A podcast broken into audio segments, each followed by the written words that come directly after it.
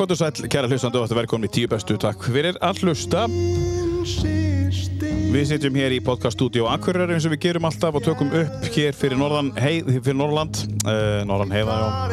Um, Hér er ekki ennþá byrjað að snjóa og við erum komin í lok nógumbemána 2022 og það er engin spá um snjó hér.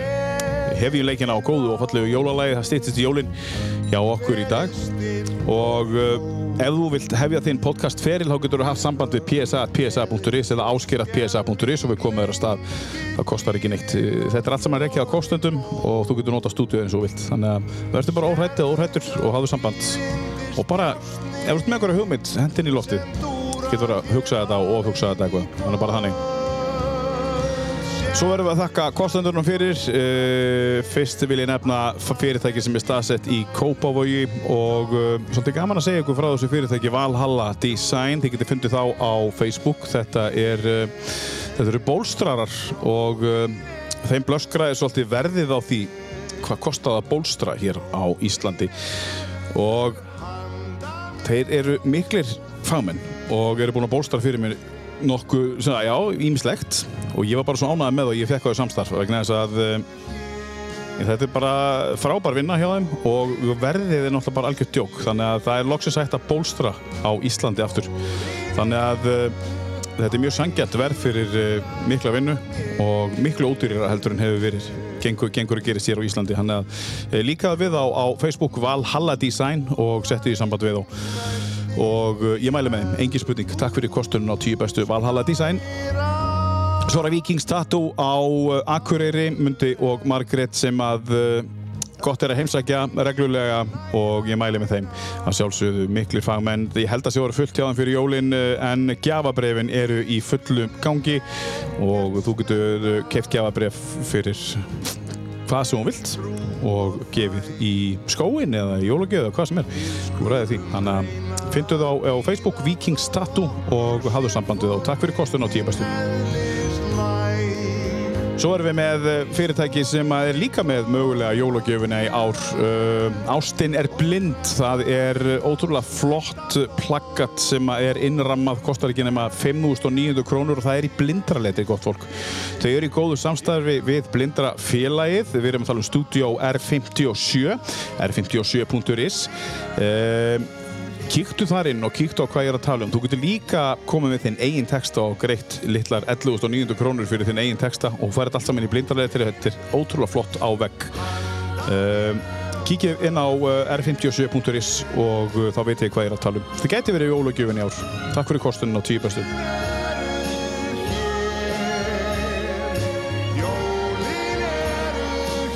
Svo erum við í góðu samstarfi Ölgerina sem sér um kaffið hér uh, í morgunsárið og hvenna sem er dags. Uh, takk fyrir það Ölgerin og akkurir.net sem að, uh, já, sem að, sem að skaffar okkur umfjöllun um þáttinn. Þannig að það er skafti og kóð þar sem að aðstofa okkur við það og við þakkum kjalla fyrir það skafti. Vorum að það samstarf haldi áfram akkurir.net, frábær miðill hér fyrir norðan. Þannig bara þannig. En annars uh, er uh, ekki úr vegi en að kynna uh, viðmælandi minn í dag.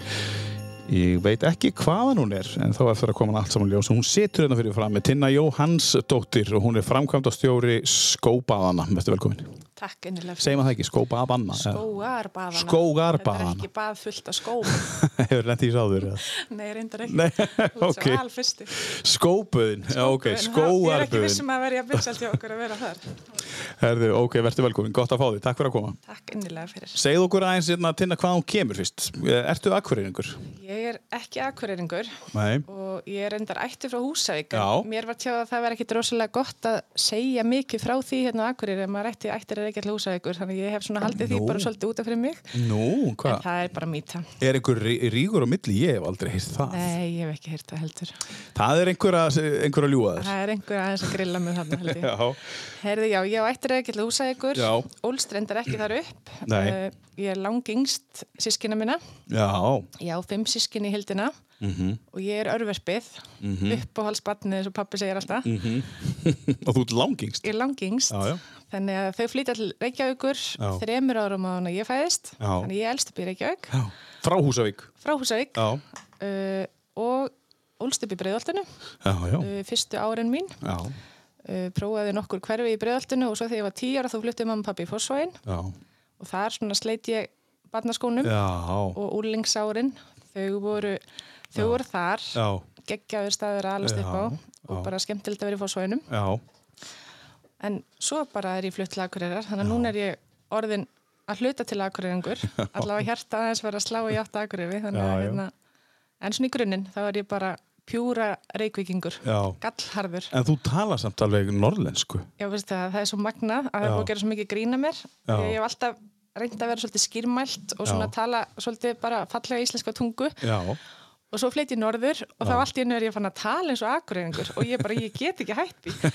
Ég fann að tala svona miklu hægar og aðeins svona skýrar og eitthvað. Ég veit ekki hvað þetta er, en ég er ekkert að reyna að vera akureyringur, alls ekki en þetta bara einhvern veginn gerist. En þú ert með, þe- þú ert með sko, þú ert ekki með þessa típisku reykvísku svona beitingu. Á, veist, ekki það að það sé eitthvað slæmt sko, það er bara það er aðeins mýkra. Já, ég held kannski bara í grunninn þegar ég var úrlingur og, Mhm. og ung kona það hafði ég rosalega mikinn áhuga á bara íslensku Mhm. og svona kjarnistu máli og mér langaði að vera svolítið svona háfleg og Mhm. kunna hérna nota falleg orð þannig að hérna, það var, ég held að það sé kannski líka bara í grunninn að hérna, finnst skipta máli að tala fallega En foreldraðinir, voru þeir svona, svona harðið mæltir? Nei, Nei. alls ekki Þetta það er bara, alveg- þetta er bara ákvörðinu þér. Það var alveg pínu norlenska í þeim samt Já. En svona kannski ekki harðmælt, nei, alls Nei, nei. Foreldraðin eru hver? Fæðið minn heitir Jóhann Helgason Já, Mamma heitir Helga Þóri Jónasdóttir. Já. Mamma er ætti frá Langanesi, já, frá Eyði á Langanesi Já, og pappi frá Húsavík. Þannig að dásamlegt fólk, bara indislegir foreldrar að eiga. Og þau búa er ekki ekki núna? Þau búið ekki, Í fossóinum? Nei, reyndar ekki. Nei. Nú eru þau komin í svona þjónustu íbúð uh, í Grafavóinum. Já, ok. Þau eru, mamma eru á náttræð og pappi er að nálgast hana. Já, vel gert. Já, þannig að þau eru, þau eru orðin fjörgumul en, en hérna ótrúlega Já. bara flott og, og hérna dugleg. Pappi hætti að vinna í fyrra. Nei, búin að vinna alveg bak í brotnu síðan hann var bara úlingur með sitt eigi fyrirtæki, vann sjötaði vikunar alla daga. hvernig fyrirtæki var það með? Hann var að smíða svona vörubílsvagna, Já, já. Grjótarður. Grjótharður. Bara sko, áttræðis aldrei að 79, brasa í því. nú ætla ég að hætta. Já, akkurat. Þannig að hérna, þau voru bara geggjaði fyrirmyndir og, hérna, og ljúft og gott fólk. Eru þið mörg sískinni? Þú Ég- segist þér hann langingst. Ég er langingst, ég á fjögur allsískinni Já. og einn hálfbróður. Mm. Það eru sko 14 ára milli mín og, og mest yngstu sýstu minnar. Vá. Þannig ég ólst í sjálfu sér aldrei upp með sískinu mínum. Nei, þú varst bara ein. Ein. Á heimili líka. Já. Já. Þannig að ég segja stundum í gríni við manni minn það er eitthvað svona, hérna, einhver læti eða eitthvað kringum okkur, þá segja ég stundum ekki, þú veist, ég get ekki þessi læti, ég er einbyrni, mástu. Þannig að, hérna, ég kann ekki svona, hérna, Og í svona rólegu svona hver- umhverfið fóreldurinn er svona aðeins svona kominir yfir einhvern ákveðin þröskut í aldri. Já. Svona rólegt heimili. Já, allt svolítið svona ljúft og gott Já. og notalegt og svona og ég held að ég er svona, ég, svona, já, ég marga sem hafa akkurat alist upp í svona stórum sískinahópi og svona, það er rosalega mikilvægt. Já.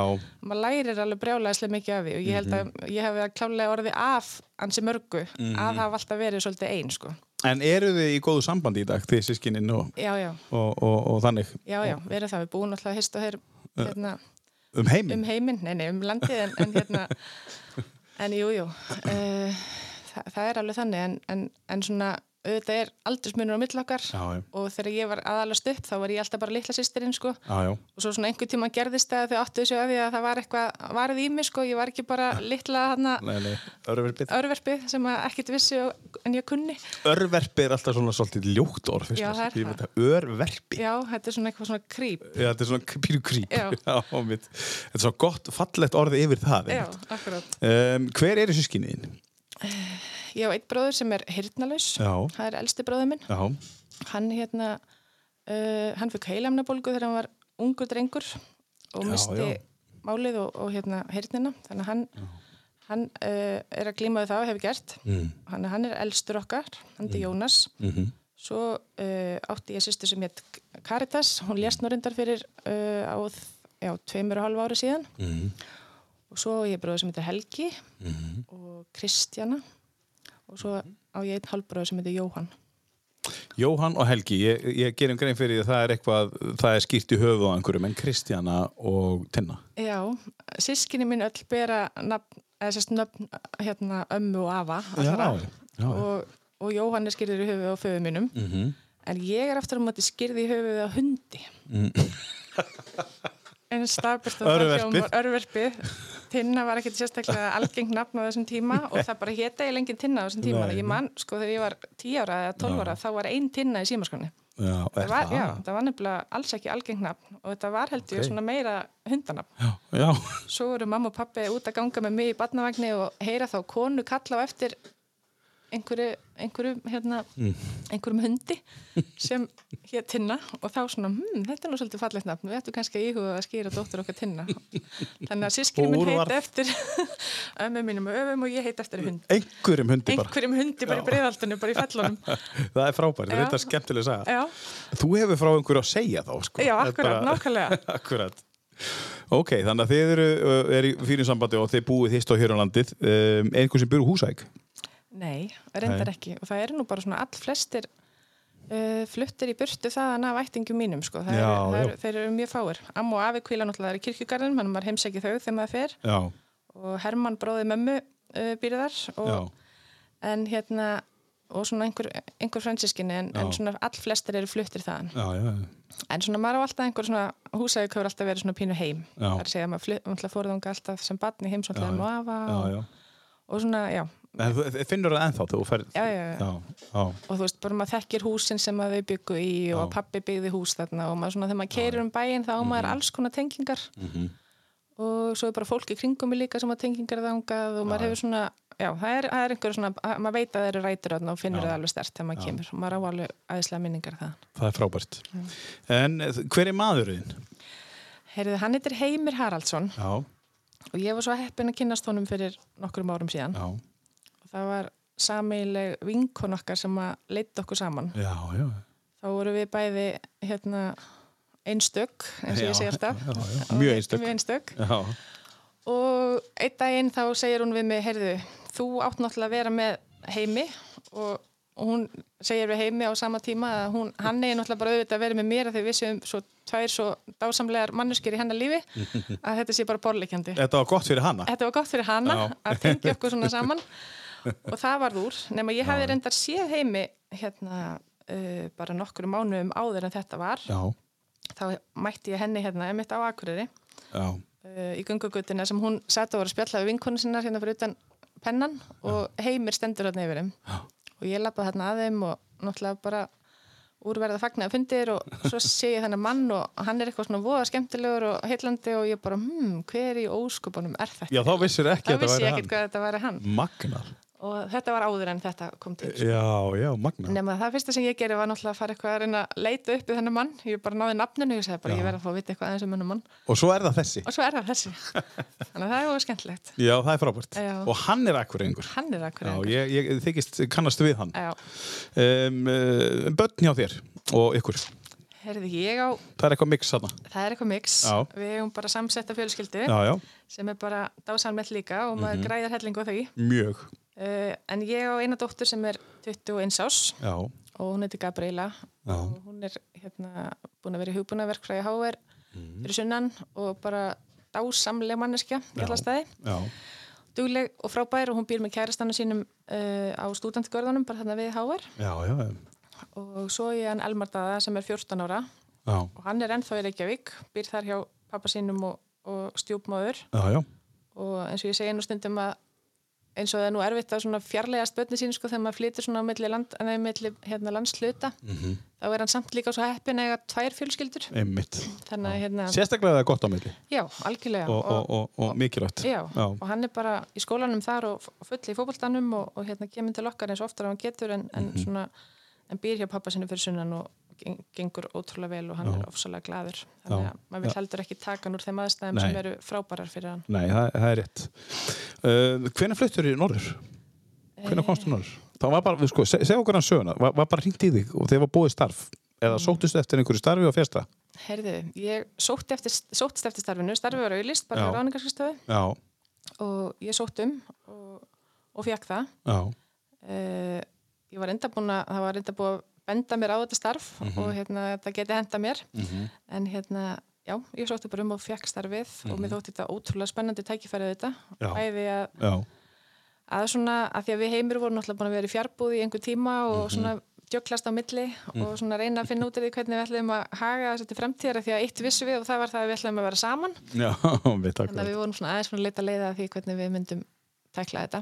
Og var hann ekki á leiðinu söður? eða? Jú, jú, hann var Já. líka alveg tilbúin til Já, þess þannig séð sko. Já. Þannig við vorum bara svona opinn fyrir öllu en svo þótt okkur þetta líka alveg dásanlegt að vera svona ekkert endilega saman alla daga sko. Nei, nei, nei, þannig að þetta var voru skemmtilegu tími. Við vorum alltaf á einhverjum geggjum deytum hingað og þangað og hittast stundum á miðurleið og ég kom norður og hann suður og, og svo fluttu við bara saman og, og svo fluttum við bara saman og nú er þetta bara, það er ekkert að frétta, nei, nú er þetta bara dásanlegt en, en hérna, já, þannig ég flutti norður bara uh, fyrir ári síðan, cirka. Já, hvað varst að gera fyrir sunnan áður en þú fluttir norður?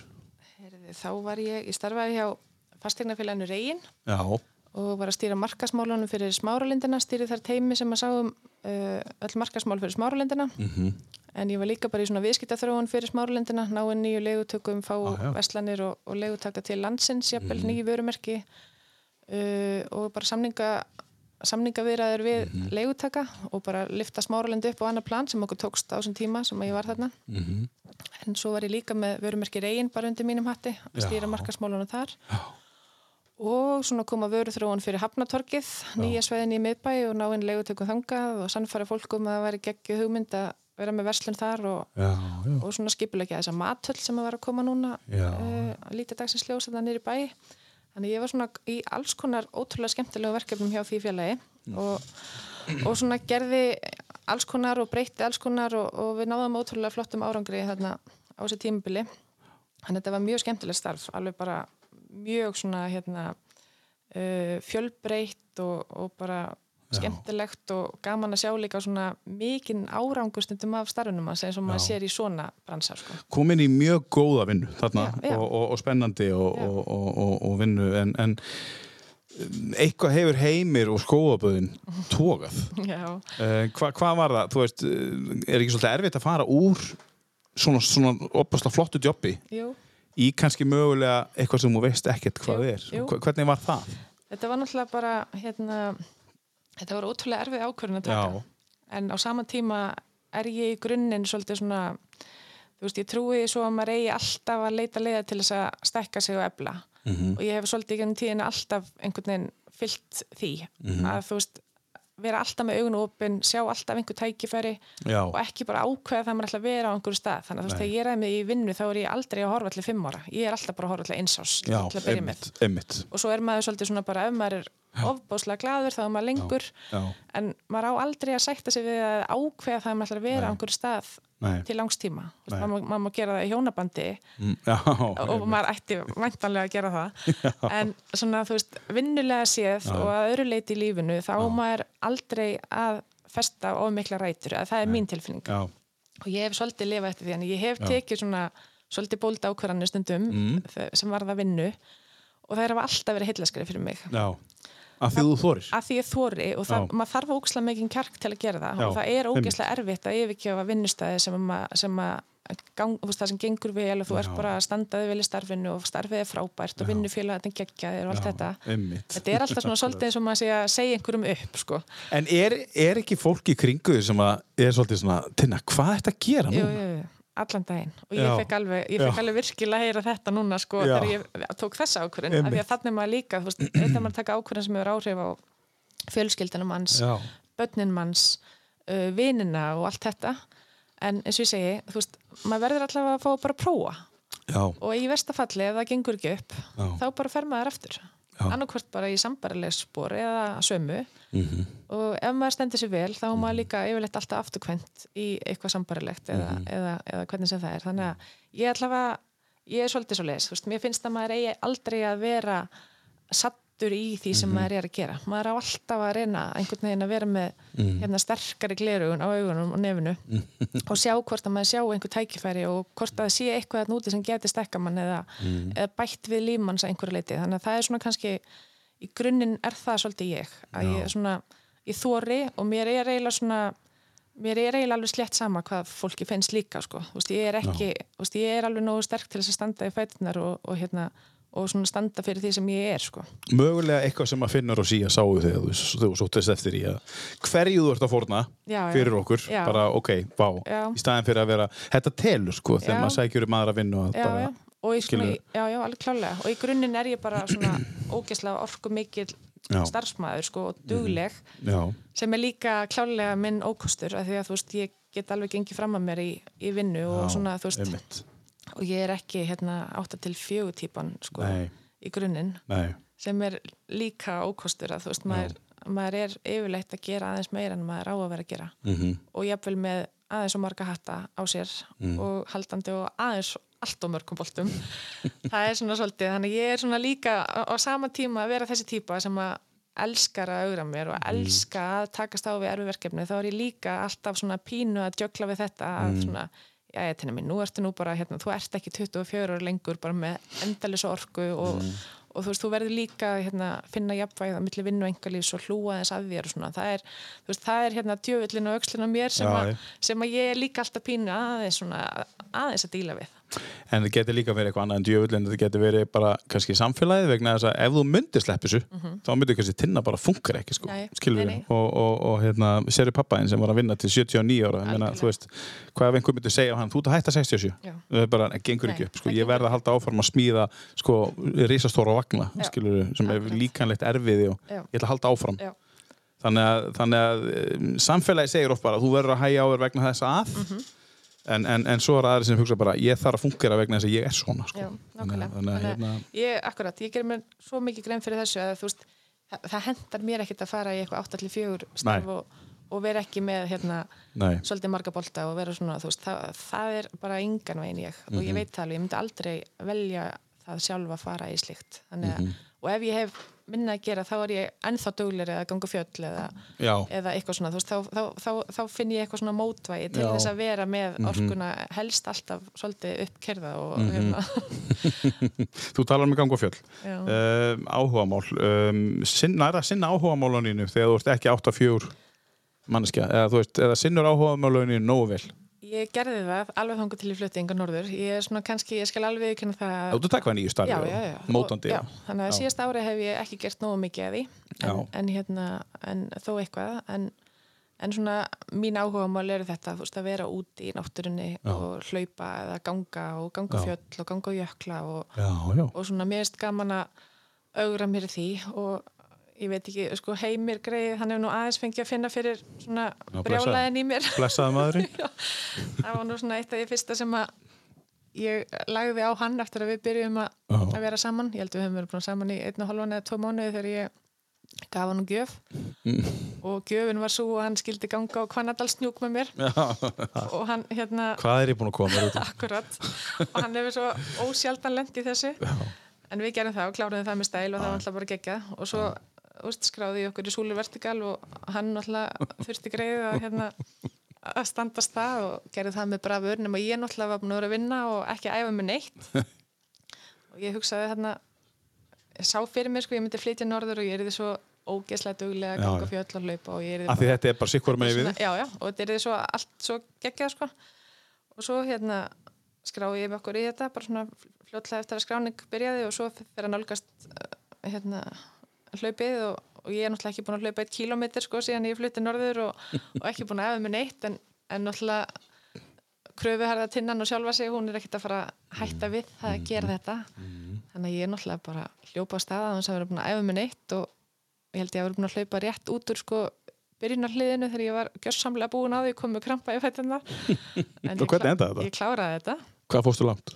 Bara átján ekki- Bara 18? bara átján 18,8 En sko. já, akkurat, Já. en ég kláraði þetta með stæl og hérna, Það er ekki bara nei, átjáttina. nei, nei það er nefnilega alls ekkit bara átján Yfir fjöll og fyrnindi og yfir ár og, og, og, og, og eitthvað. Já, þannig að þetta er svona, þetta er kannski svona lýsir aðeins karakterinn með mér, sko, og ég get Já. alveg hlaupið aðeins á mig og svona tekið ákvarðanir sem er bara, heyrðu, bara gerum við þetta, veist, sem er líka frábært, af því að maður bara upplifir alls konar og gerir alls konar fyrir vikið, Mhm. en svona yfirleitt, það kemur yfirleitt alltaf þessi tilfinning bara svona, af hverju ertu að gera þetta, Mhm. af hverju þarf þetta að vera svona?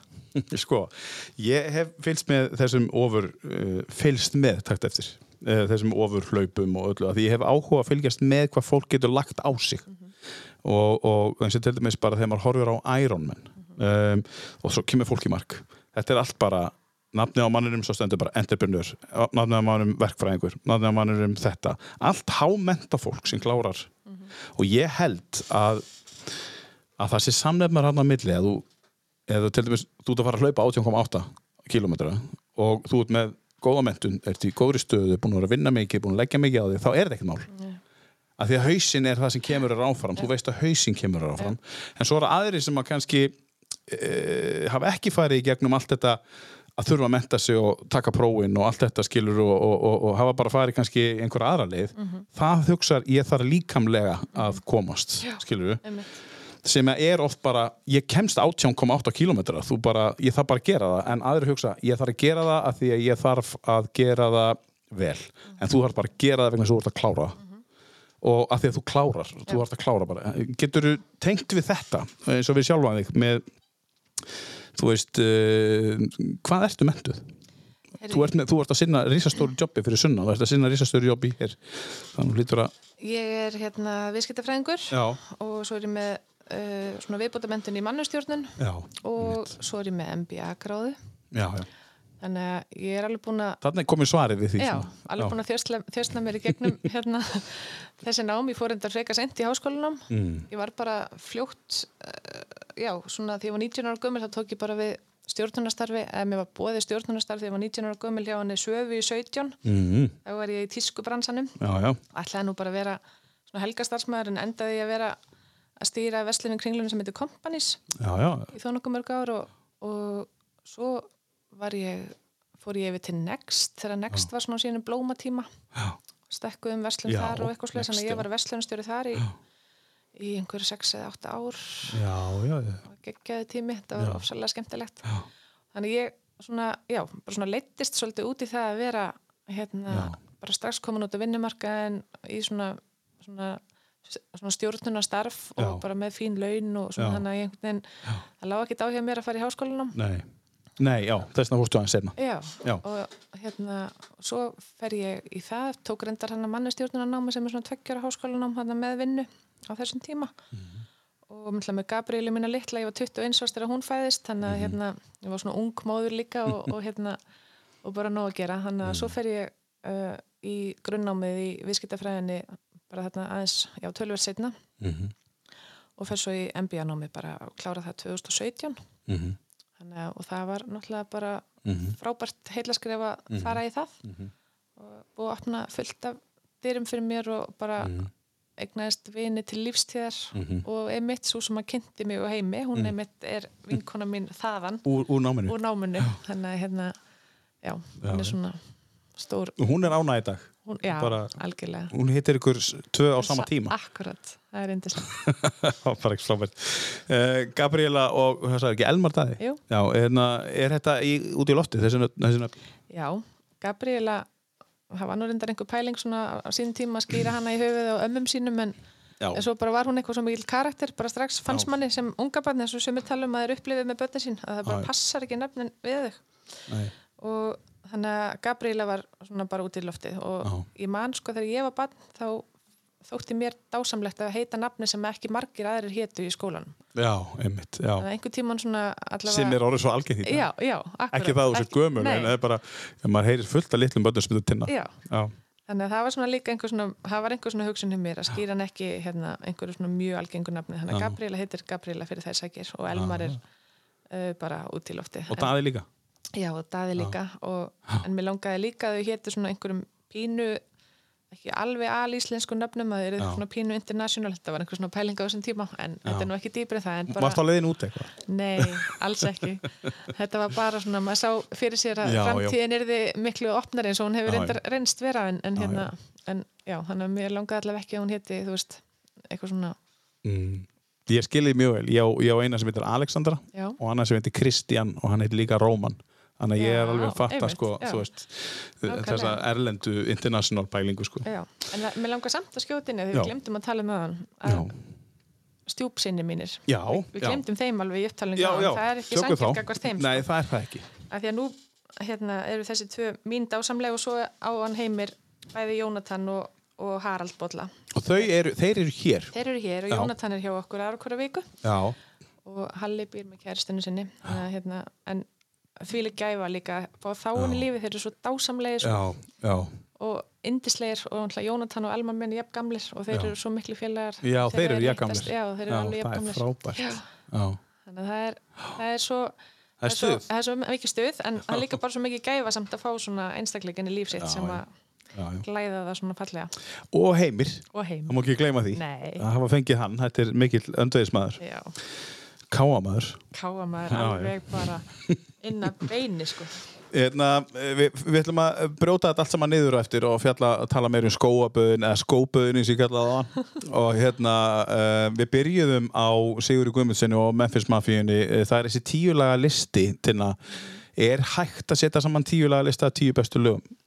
Eða, Nei, það er rosalega erfitt. Já. og líka bara sko, ég mitt hugsaði bara nú, þú veist, á þetta að vera hérna tíu bestu lögin sem eru þú veist Mhm. svona tónlistalega mm best og það er það bara alls ekkert í neinu karakter við mig Nei. af því að þú veist, auðvitað eru lög misjaflega góð og maður veit bara sum lög eru bara klálega á tíu bestu laga listanum Einmitt. yfir bestu lög veraldar sko en það er ekkert að þeim þarna í sjálfu sér heldur þetta allt svona bara lög sem hafa einhvern veginn komið inn í líf mitt eða Mhm. snert líf mitt á einhvern hátt eða eiga einhverju svona tengingar mm eitthvað sem ég tengi við einhver tímabil eða Já. eitthvað þannig að þetta eru alls ekki tíu bestu lög sem ég hef heyrt, bara Nei. langt því frá en, en jólalagi sem við byrjuðum á það er samt svona sennilega bara, þetta er allavega klálega mín uppáhalds jólaplata Já, þetta er jólaplata æðisleg. og það er eitthvað svona ég tengi eitthvað svona pínu við fóreldra mína þegar þau eru náttúrulega kannski svona frekar uh, ekki gömul, ekki hægt að segja þetta Nei, en nei. á þessum tíma voru þau gömul þegar áttu mig já, ég átti alltaf elstu fóreldran og þau Já. voru alltaf svona Já. 20 árum eldri heldur en fóreldra vinkuna minna Mhm. þannig að þetta er svona gamaldags einhver svona romantísk stemning og þetta er eiginlega svona plata sem maður verður eiginlega að hlusta á vínil.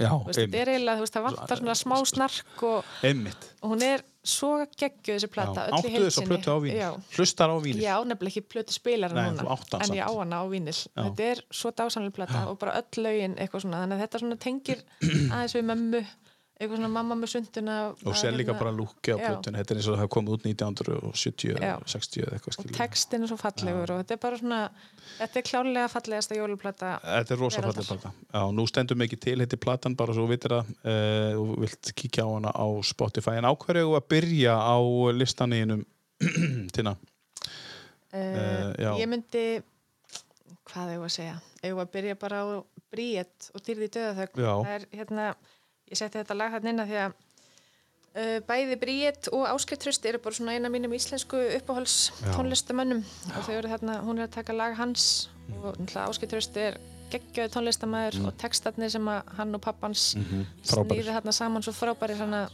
er svo fallegt. Mér er svo frábært að fólk taki eftir því einmitt. Af því að þú veist, þegar maður tekur eftir textanum það er svo mikilvægt að fólk í kringum að bara ert að hlusta á textana, hvað þetta er störlað flott sko, og saman, nei, ég geti hlusta þetta er bara svo flott lag, hlusta á textan þetta er svo ótrúlega flott sko. Eða að byrja á þessu? Já, gerðu það. Uh, hérna er Bríett að syngja lag eftir Áskjör Trausta. Uh, eftir texta uh, pappa, eða, pappa hans ekki pappa þeirra, pappa hans. Þau eru ekki sískinni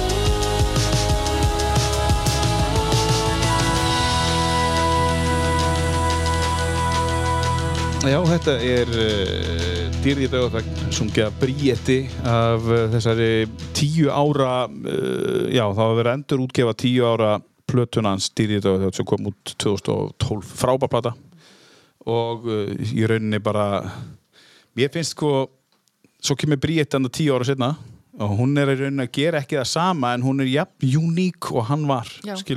Algjörlega þú veist og þau eru, þau eru, þau eru, þau eru svo mismunandi góð Já. að hérna, en bara svo miklu listamenn Já. bæði tvö sko já og bara bríðið á sviði, það er bara það er unin á hana sko, hún er alveg geggjuð Svo er bara spurning, sko, hvað kemur eftir tíu ár? já, það verður klálega Það verður einhver Já. sem að, sem að hérna, leysir bríeti þá af. Uh, en, en hérna, brjótum þetta aðeins niður núna, Ti- Tina, förum aftur í, þú fluttir, fóruðinni fluttu uh, söður uh, þreymur árum áður þú fæðist til Reykjavíkur, frá Húsavík, þannig að þú Þú ættir er ekki að þanga með af og ömmu og svo leis en, en þú fóst í breiðholtið. Og hvernig var allast þar upp? Og svo fóst í Fossóin, segja okkur eins og þessu. Já, uh, við byrjuðum í Efrabröðaltinu, Já. þar gekk ég í listskóla og, og hérna og við vorum þar þangað til að ég var að verða sex ára gömul, en það var bara æðislegu tími, gaman að vera bara í Efrabröðaltinu í þessum stóru blokkum sem voru þar Já, með leiksvæðanum í einmitt, já. miðjunni og endalessi krakkar og, Já, og svona, ég mann reyndar við byggum sko í uh, Hrafnhólunum Já, og það er upp á einhverja hæð og, og hérna, myndi ofta að hugsa til þess sko, aðeins breytti tímar en, en sagan segir, sérst, mamma hefur sagt mér það að, að það hafi verið sem sagt að krakkarnir voru bara settir í sem sagt sandkassan þarna í miðjunni Mhm. og bara svona hérna tjóðraðir við hérna, sandkassan og svo gáttu fóldurinn þá aðeins farið upp og setti þvóttavelin og okkur svona. Já, bara festið við sandkassann? Já, bara bundin, bara við sandkassan. Þetta voru svo miklu einfaldari tíma Já, hann að hérna bara svona eins og þegar ég sett hundin minn út í band sko, þetta var bara nákvæmlega sama tilfinning. Bara börnin fara bara hann í sangasann og þau geta verið í svona 45 minnur og svo kíkjum við bara á þau eftir ég er að setja í þvóttavélina og fá með kaffi. Og kannski tekið á bókstaflega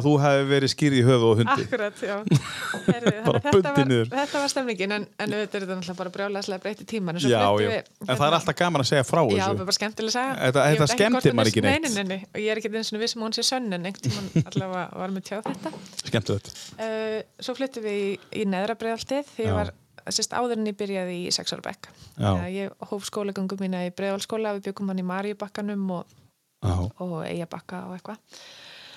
Þannig að það var náttúrulega frábært hverfi að Já. vera badni á þessum tíma. Þú veist, þá var bara þessi, þetta hverfi að byggjast upp og allt Já. svona tiltölulega nýlegar hérna, blokkir þarna og, og bara ótrúlegu fjöldi af börnum Já, og ungu fólki og, og bara svona mikil stemning og Mm. hverfi byggt svona upp þannig að alla blokkirna liggja svona í U þannig að inn í hverri hérna, inn í hverjum botlanga var svona leikvöllur og Mhm. svo fór maður á milli og þetta voru bara dásamlegi tímar Já, og ótrúlega gaman að alast upp þar og maður var bara úti allan daginn veist, maður var bara rétt fór inn í eða var sóttur inn í mat Mm. já. og það var ekki trýnt í þá? Nei, það var ekki ringt í maður þá, en það var svona svolítið þægild að flest börnin voru bara innan uana sinna, það er að segja í hverju húsi. Já, já.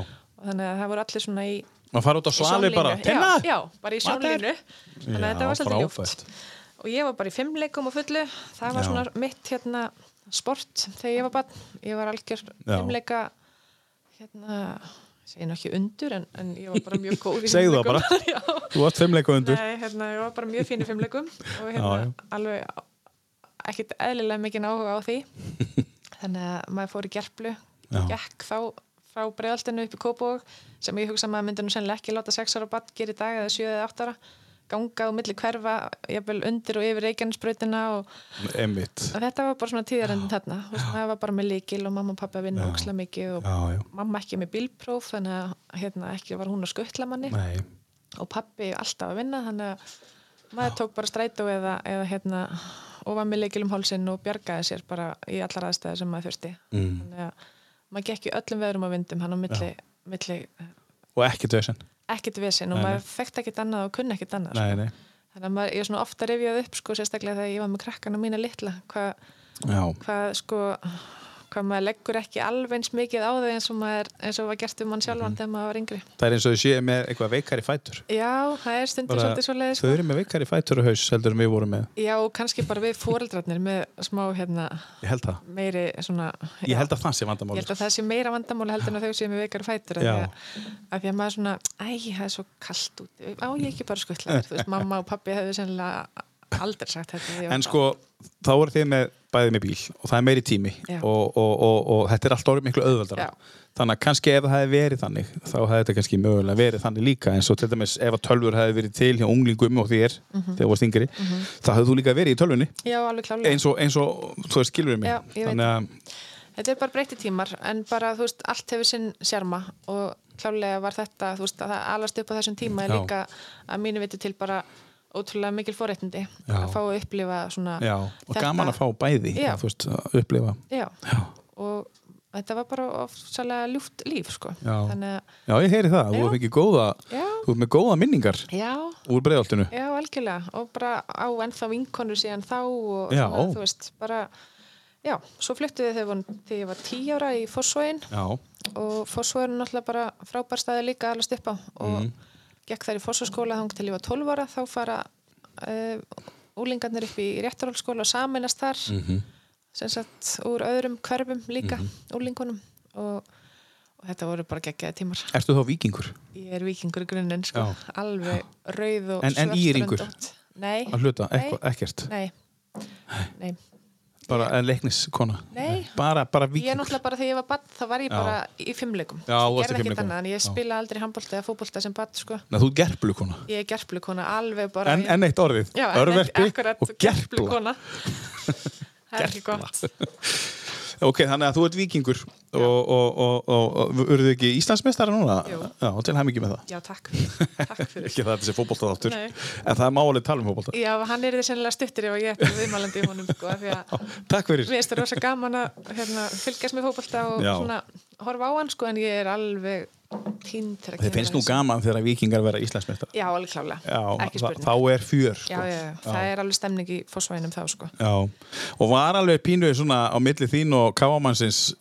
Já, já, já, er. Já, pínu svona á svona, síðustu, síðustu leikina bara hverjir er að fara að taka þetta sko. eru við að fara að taka þetta Þið, er ekkert svoleiðis og heimilinu Nei, það er nú reyndar, það er svolítið freka mikil stilla í öllu á heimilin okkar sko. Við erum ekkert mikið að takast á og ekkert að búa okkur til vígvelli sko. Heimil, heimilu orðið rólegt Já, Já. þetta er voða, hérna, ljúft og dásalegt. Hvar búið þið í bænum, þú veist, í hvaða hverfi? Við erum upp á brekkunni bara á, á, á ásveginum. Já, já, já að Já, það er frábært. Já, frábært.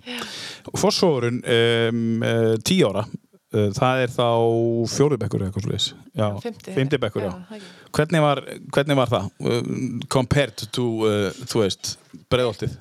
Það var bara sérstakt sko að Já. mörgu leita því að þarna kom maður í fósvegin þar sem var svona aðeins annar stemning, önnur stemning í fósveginum eða það er bara veist, meira einbýlisúsum og meiri peningar og Já, svona aðeins annar rytmi heldur en í breiðoltina.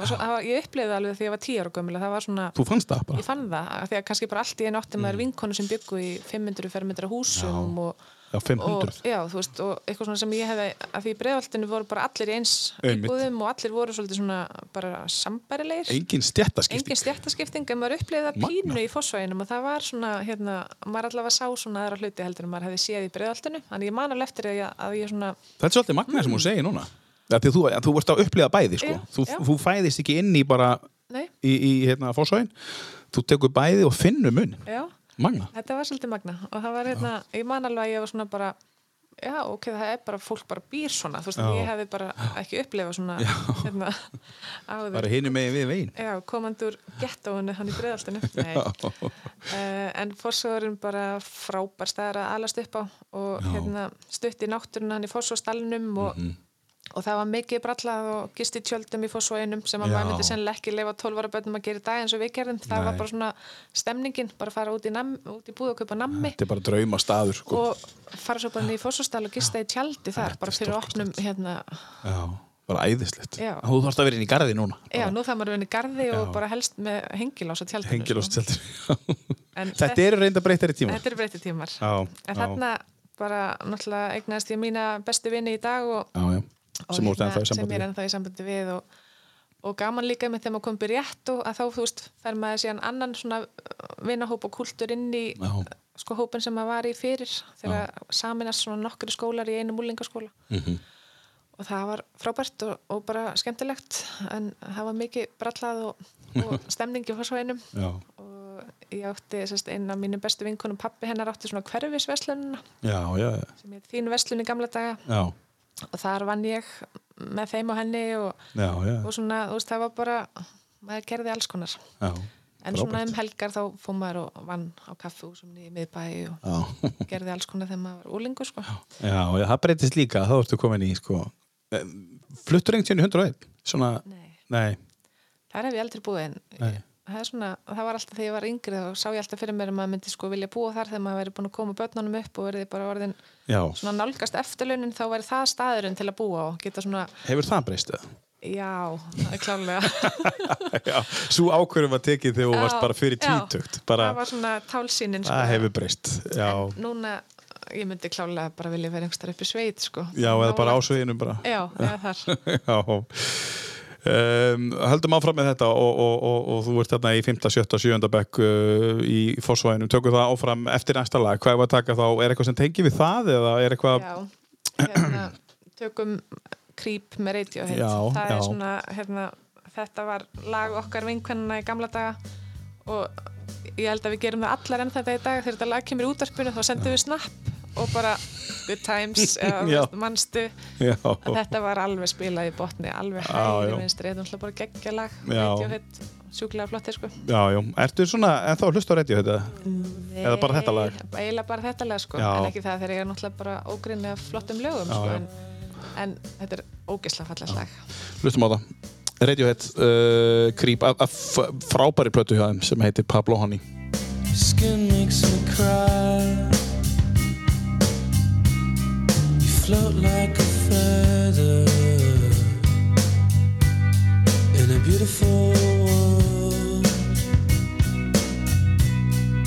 I wish I was special. You're so fucking special. But I'm a creep.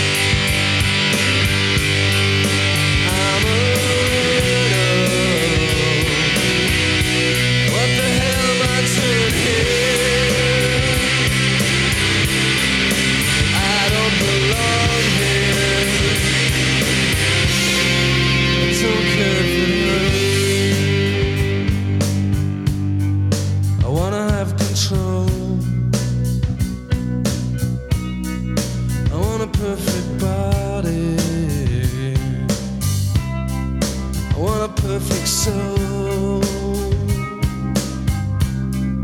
I want you to notice when I'm not around. You're so fucking special. I wish I was special but I'm a creep. What the hell am I doing here?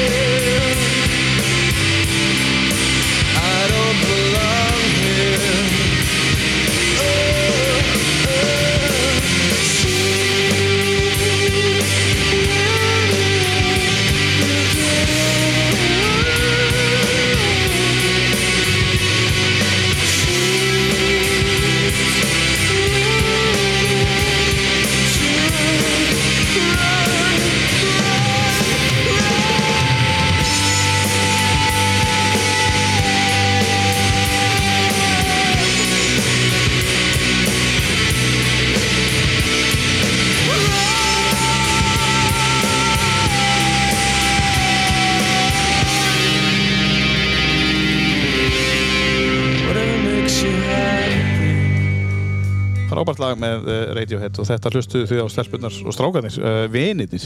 Um, ert í um, stóru vinahóp? uh, já, ég er vinna hópum? já, ég er í svolítið, ég á svolítið svona mikið af vinum svona úr alls konar áttum. Þannig að svona grunnurinn er svona svolítið kannski vinahópurinn úr fórsvæðinum eða, eða, já, en svo á ég rosalega mikið af svona fólki sem er mér rosalega kært sem að ég hef einhvern veginn nálgast, gamli vinnufélagar, gamlir skólafélagar og bara svona fólk sem að hefur einhvern veginn tengst mér um æfina.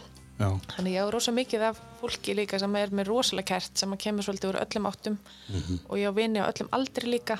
Þú veist, þannig ég á ekki bara svona vini sem er jafnaldra mínir veist, mínir svona margir af mínum kærustu vinum eru tölvist eldri en ég til dæmis en það er kannski bara því að ég er svo gömul og skrítin sál sko, þannig að hérna tengi við að svolítið marga Ertu það? Ertu það? Já, Já.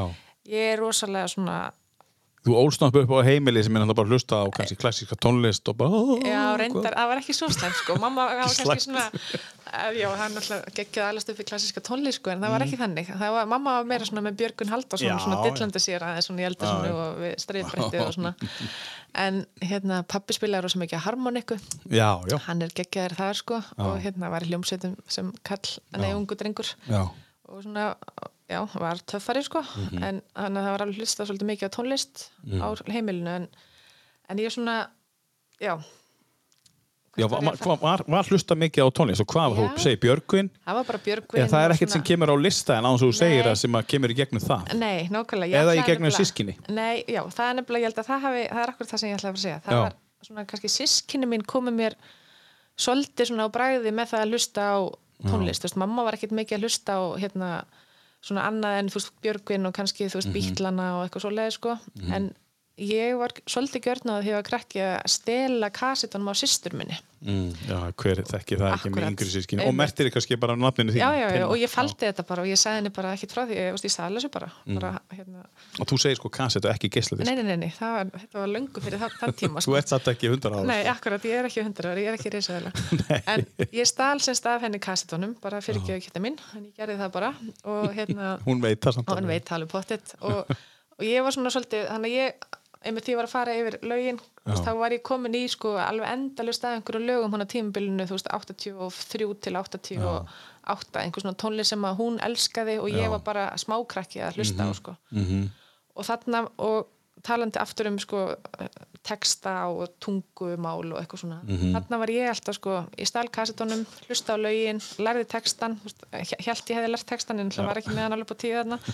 Og svo var ég þú veist að leika mér að íta stopp og, og hérna pása til að skrifa niður textana því að þótti það mjög mikilvægt að kunna texta Já, það, það er þannig. Já, Þú þannig hefur að- alltaf verið það. ég var bara, Já. sem krakki var ég alltaf að hlusta tónlist og ég varð að kunnan og helst eigan skrifaðan textan af lögunum sem ég var að hlusta á.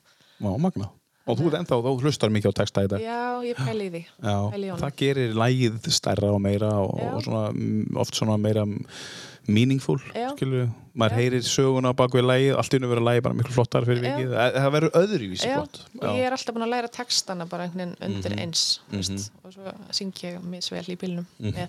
Já, þú syngur vel í bílnum af að þú, það, maður syngur aldrei misvel þannig, maður syngur bara vel í bílnum Já. alveg saman hvernig maður Já, syngur að, að manni sjálfum finnst að manni sjálfur finnst, já uh, en þú ert þarna, við erum í Fossvæðinum og, og þú ert tíu, tíu ára þú kemur ánga, hvað voruð þið lengi þar uh, ertu þarna bara þar til? Já, bara Þú þetta flytur ég út? flytta heimann Já, ég flytti nú reyndar frekar unga heimann ég var bara rétt um 17 eitthvað slags já, já. en hérna fluttur í 101? Nei, þú er aldrei búið þar. Nei, ég fór ná, nálægt í hlýðarnar Já, en, hérna, uh, en já, hann ég ólst upp bara í fórsvæðinum já, allan þennan tíma og var í réttó.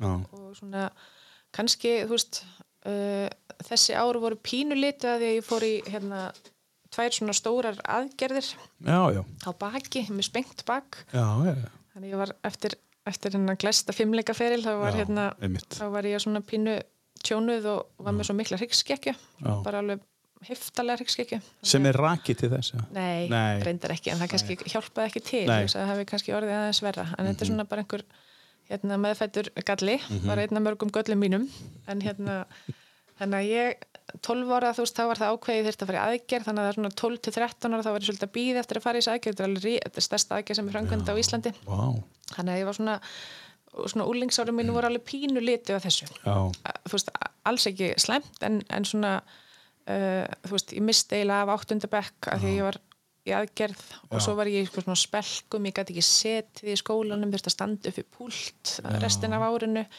og svona, þú veist, Stand upp við púl. já, ég bara gæti ekki setja því að ég var í svona spelkum alveg frá hérna, bara hálsi og niður En hvernig gæstu þið sofið þá?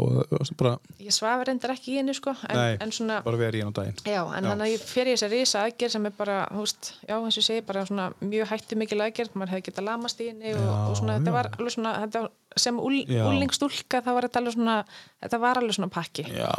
og svona ég horfði tilbaka þá, og, þetta var ekkit mál en, en hérna, Ekki núna. En, í klálega svona, þetta, var, þetta svona litaði kannski alveg klálega úlingsárin mín að einhverju leiti en, en sem betur fyrir var ég bara félagslega rosalega sterk, átti ótrúlega flotta vini og bara gekk mjög vel í skólanum. Já. en þetta hefði ekki, hefði ekki áhrif á mig en, en svona, veist, þetta hefði alveg getið haft áhrif á mann sko til framtíðar að, að svona vera kiftur út úr þessum viðkvæma sko tímabili í Einmitt. lífi allra sem úlingsárin eru en ég einhvern veginn bara teklaði þetta með stæl og þarna ákvæði ég það, ég skildi aldrei hvart undan þessu, af því að þetta er eitthvað sem er ekkert farið úr mér, ég er ennþá bara með játtenna í öllum hérna, líkamannum og svona, og svona aðeins tjónuð en hérna En þú getur hlaupið og fara á já, já. og... Já. og það er svona eitthvað sem ég bara ákvað þarna og það Já. er bara alltaf staðið við, ég skildi aldrei hvart undan þessu Nei. ég ætlaði aldrei að vera eitthvað að kvenka mér yfir þessu þó ég sé svona Já. með þetta og hérna og ég ætlaði ekki að láta þetta hafa áhrif á lífið mitt á neitt nátt og ég, bara, ég ákvaði þetta bara sem úlingstúlka og ég ætlaði bara aldrei að taka verkefliði verkjum, ég ætlaði bara, veist, vinna veist, og þetta var bara svona einhver ákvörð sem ég tók þarna. Og svo hef ég bara staðið við hana. Já. og, og fyrir vikið er þetta bara svona að mínu viti til, bara svona eitthvað sem hefur eld mig. Þetta er bara þetta er bara þarna. Og ég er ekkert að kvenka mér yfir þessu en, hérna, en þetta hefur klálega samt sem áður alveg svona þetta hafðalega áhrif á maður þessum tíma. Er einhver sem að verið, sem þekkir þig, sem að geti verið að heyra til fyrst skipti, sem að veitir ekki?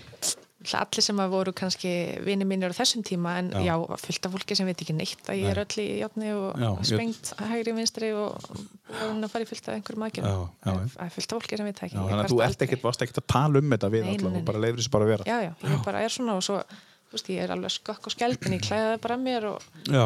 og svona, þú veist En, en sko 17 ára, svo ertu fann að vinna fyrir söfu 19 ára, eða þess að þú komur um verslunastjóri í 19 ára, fann að stýra verslun. Uh, byrjar að vinna þá 17 ára í verslun hjá Sö- söfu, eða? Herði, ég byrjaði hérna að vinna hjá Evu Já, Efu, já. já, og- miðbæ, á miðbæ og það var Horninu? svona ofsalega falleg verslun á þessum tíma Já. svo ef átti hann reyndar ekki þá þá átti þau bara hjónin sem að stopnuði þá verslun Já. fjölskyldan þannig ég byrjaði hjá þeim og svo endar þetta á því að Svafa og Bolli hennar fyrirverandi maður kaupa Evu já. og hún svona rennur inn í þetta þeirra konsept þá Mhm. var sem sagt búið að uh, þá var búið að opna verslun í kringlunni sem hétt Inver og þannig ég var komin þangað Já. og svo kaupa þau þetta og, og, hérna, og ég verði þannig verslunastjóri 19 ára Já. og bara ógislega skemmtilegu tími Já. svo hafa bara mikil vinkunum minn og fyrirmyndi lífinu sko, að hún bara kendi mér svo margt Úr fórsvæðinum. Úr fósvænum, nákvæmlega. Já, já, akkurat. heldur betur. Og ég var hjá henni þarna þessi ár og ég lærði svo mikið sko. Og þú veist, en auðvitað fannst mér ég vera brjálæslega fullorinn og, vera bara með allt á hreinu þarna sko þetta gömul. En auðvitað var maður þekki og ég minnist þess oft þegar ég fór í fyrstu sko innkaupaferðina. Þú veist að það maður náttúrulega líka stýra inn innkaupunum og, Já. og eitthvað svona, maður var náttúrulega bara krakkaraskat sko. En svona, í- með leiði eins og ég væri alveg full numa og vaksta þarna á þessum tíma Já, það er kannski mm, mótaði það einhverju hluta. Já, alveg klálega. já. já. og ég náttúrulega lærði bara ógeðslega mikið á þessum tíma. Svona að þóra, Já, meina ég. já, já. En þarna var maður bara, já, svona þetta stelpur skott, eitthvað að stýra einhverju búð og, og hérna með mannafórað og, og, innköpunum og Fórst til Danmörkur og, og, og, og, Allar sýningar og já. Bella Center já, og, já, já, þarna hefur maður verið alveg þúsund sinnum sko. Já. Og að- skemmtilegt. Ógeðslega Já, skemmtilegt. þetta er lifandi starf. ótrúlega skemmtilegu tími og mér bara gekk vel í því líka, þú veist, ég var bara góð sölukonna og, Já. og hérna Og stjórnandi. fullt, já, og bara Já. af fastakunnum og, og bara konur sem eru ennþá þú veist, í dag Já. veist, svona vinkonu mínar sko, sem að maður kynntist bara þarna á gólfinni í verslinni og kannski bara klætti þú veist, í mörg ár Já, já. að hérna, það er ennþá Já. svona tengingu við mig sko, Já, og, já. og það er einhvern veginn svona, þú veist, ég er í grunninn sko búðakona, eða, þú veist, Já. ég myndi skilgreina mig svoleiðis, þú veist, ég er svona Hver ætlaði ekki að vera búðarkona? hver maður- ekki að vera búðakona sko. Hvaða unga stelpa ætlaði ekki að vera búðarkona þegar voru eldri? og mér fannst ég alveg búin að ná bara hátindi mínum þarna, þú veist, verandi Já. bara í tískubransanum, þú veist, ekki um tvítug Já, já. og bara, hérna ég var rosa glöð með mig þarna Já, í alvöru batteri, sko. Ekki í einhverju bú, bara heldur í alvöru batteri, sko. Þetta var rosa skemmtilegu Uh, ég ætla samt aðeins að fara að forvitna sko, þú hefur farið uh, mikið ellendis og sagt, þú hefur farið ellendis á vegum vinnunar en, en svona hvert þú ferð, þú veist, þegar þú ert að skemmta þér og, og þú ert í frí. Tökum eitt lag áður en það, áður en það gerist. Þú segði bara nafn, neða númerið á lögunum. Þrjú? Já, þetta hérna. Segðu mér aðeins frá þessum. Ég, ég, sko, ég þekki þennan jazzista. Já. Segðu okkur aðeins fyrir hver þetta er. Þetta er Jamie Cullum, Mhm. hann er jazzisti eins og segir réttilega og ég hef farið á tvenna tónleika með honum. Já, það er einmitt það sem ég vil koma inn á eftir. Hann er svo styrlaður á sviði og hann náttúrulega bara er með einhver Mhm. svona orku sem að fáir aðrir hafa og svo er hann að búst bara að plokka í píanóið og leggst Stendur undir ykkur- það, já, stendur ofan og ég hoppar á það, gengur um salin og eitthvað. Þetta er geggjaður tónlistamæður en hann er bara svo, það er svo mikill artisti í honum sko, hann er svo geggjaður. Þannig eins og ég segi, ég fór á tvenna tónleika erlendis með honum og þetta er svona bara klálega einn af mínum uppbúrst tónlistamönnum og þegar ég er í stuði þá sitt ég hann á fónin. Já, og þarna syngur hann alltaf laga með Radiohead. Já. High and Dry. Uh, ég reyndar, þú ert að reyna að smyrja saman þetta þú ert þetta sniðu. Setur hérna Radiohead inn og Jamie Cullum í samanlægi. Það er virkilega gott. Uh, heyrum þetta lag hér uh, næstu misserinn.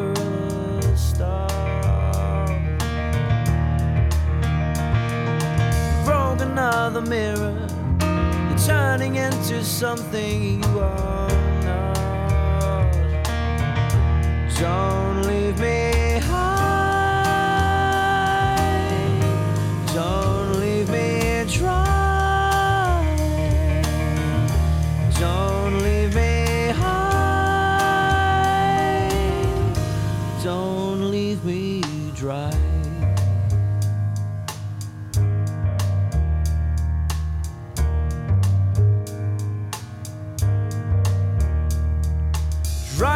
In conversation, you'll be the one who cannot talk. All your insides fall to pieces. You just sit there wishing you could still make love. They're the ones who'll hate you when you think you've got the world all sussed out. The ones who'll spit at you. You'll be the one screaming out.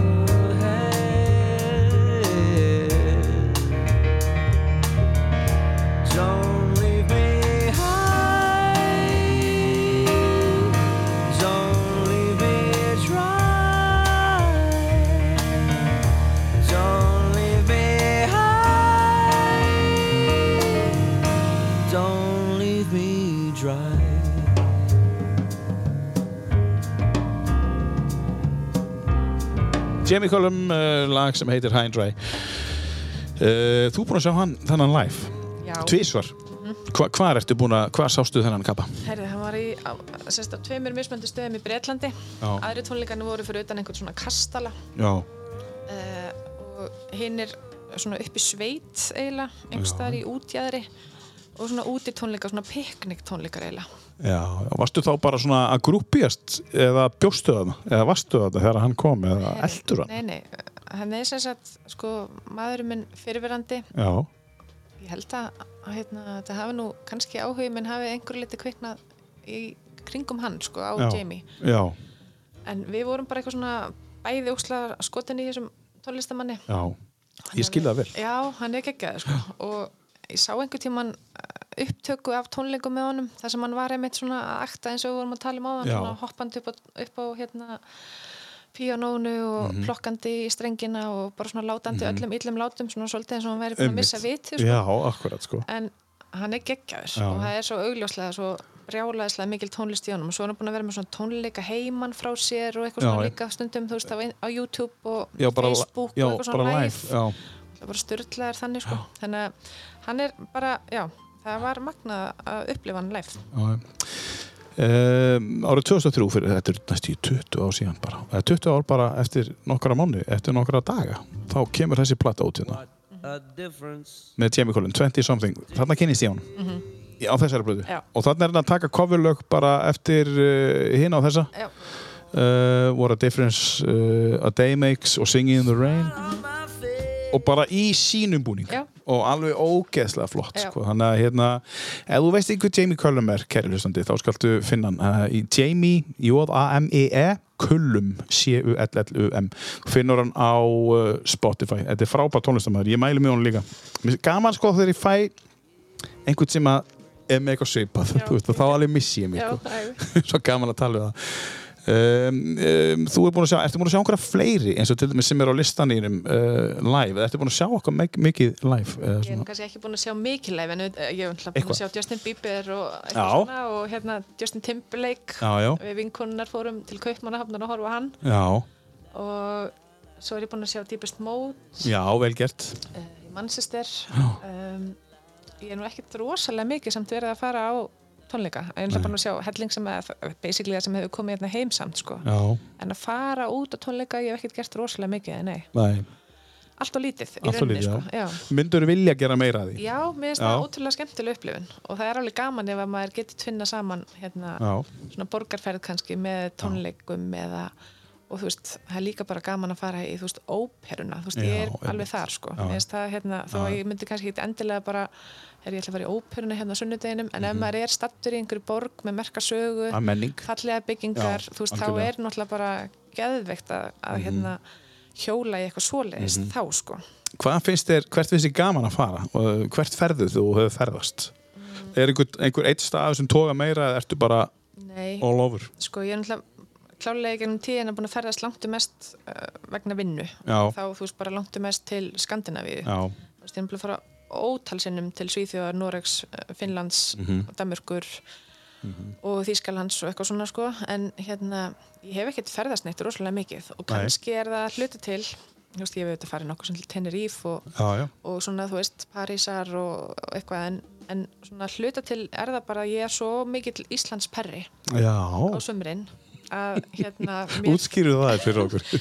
Veist, mér finnst bara íslenska sumarnætur og það að vera í tjaldi á sömurinn veist, og þá vill ég vera í tjaldi, ég vill Þú ekki vera í vera tjaldi, ég er búin að prófa þetta allt saman, en Já. ég vill bara vera í heiðarlegu gömlu íslensku tjaldi. Appelsínugullu já, helst bara að tjaldi og bara með prímusinn og þú veist, já, já. það er ég sko. Og lappa upp á fjöllum, helst upp á hálendi bara verið í landmannalögum og veist, Mm. hanga þær í þrjá daga og lappa á öll fjöllin þar. Og veist, það er svona ídíal sumari mitt sko.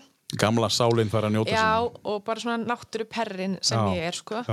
þannig að mér finnst sko það að fara til útlanda á sumrin finnst mér bara eiginlega null heitlandi veist, ég myndi alveg íhuga það kannski að skreppa til sko einhverja borgar yfir helgi. Mhm. en að dvelja langdölum og sumrin í útlöndum Mhm. fara til Tenerife og sumrin eða eitthvað svoleiðis það er bara ekkert sem heilla mig. Það er kannski 20 stæð hitt hérna heima á Nei.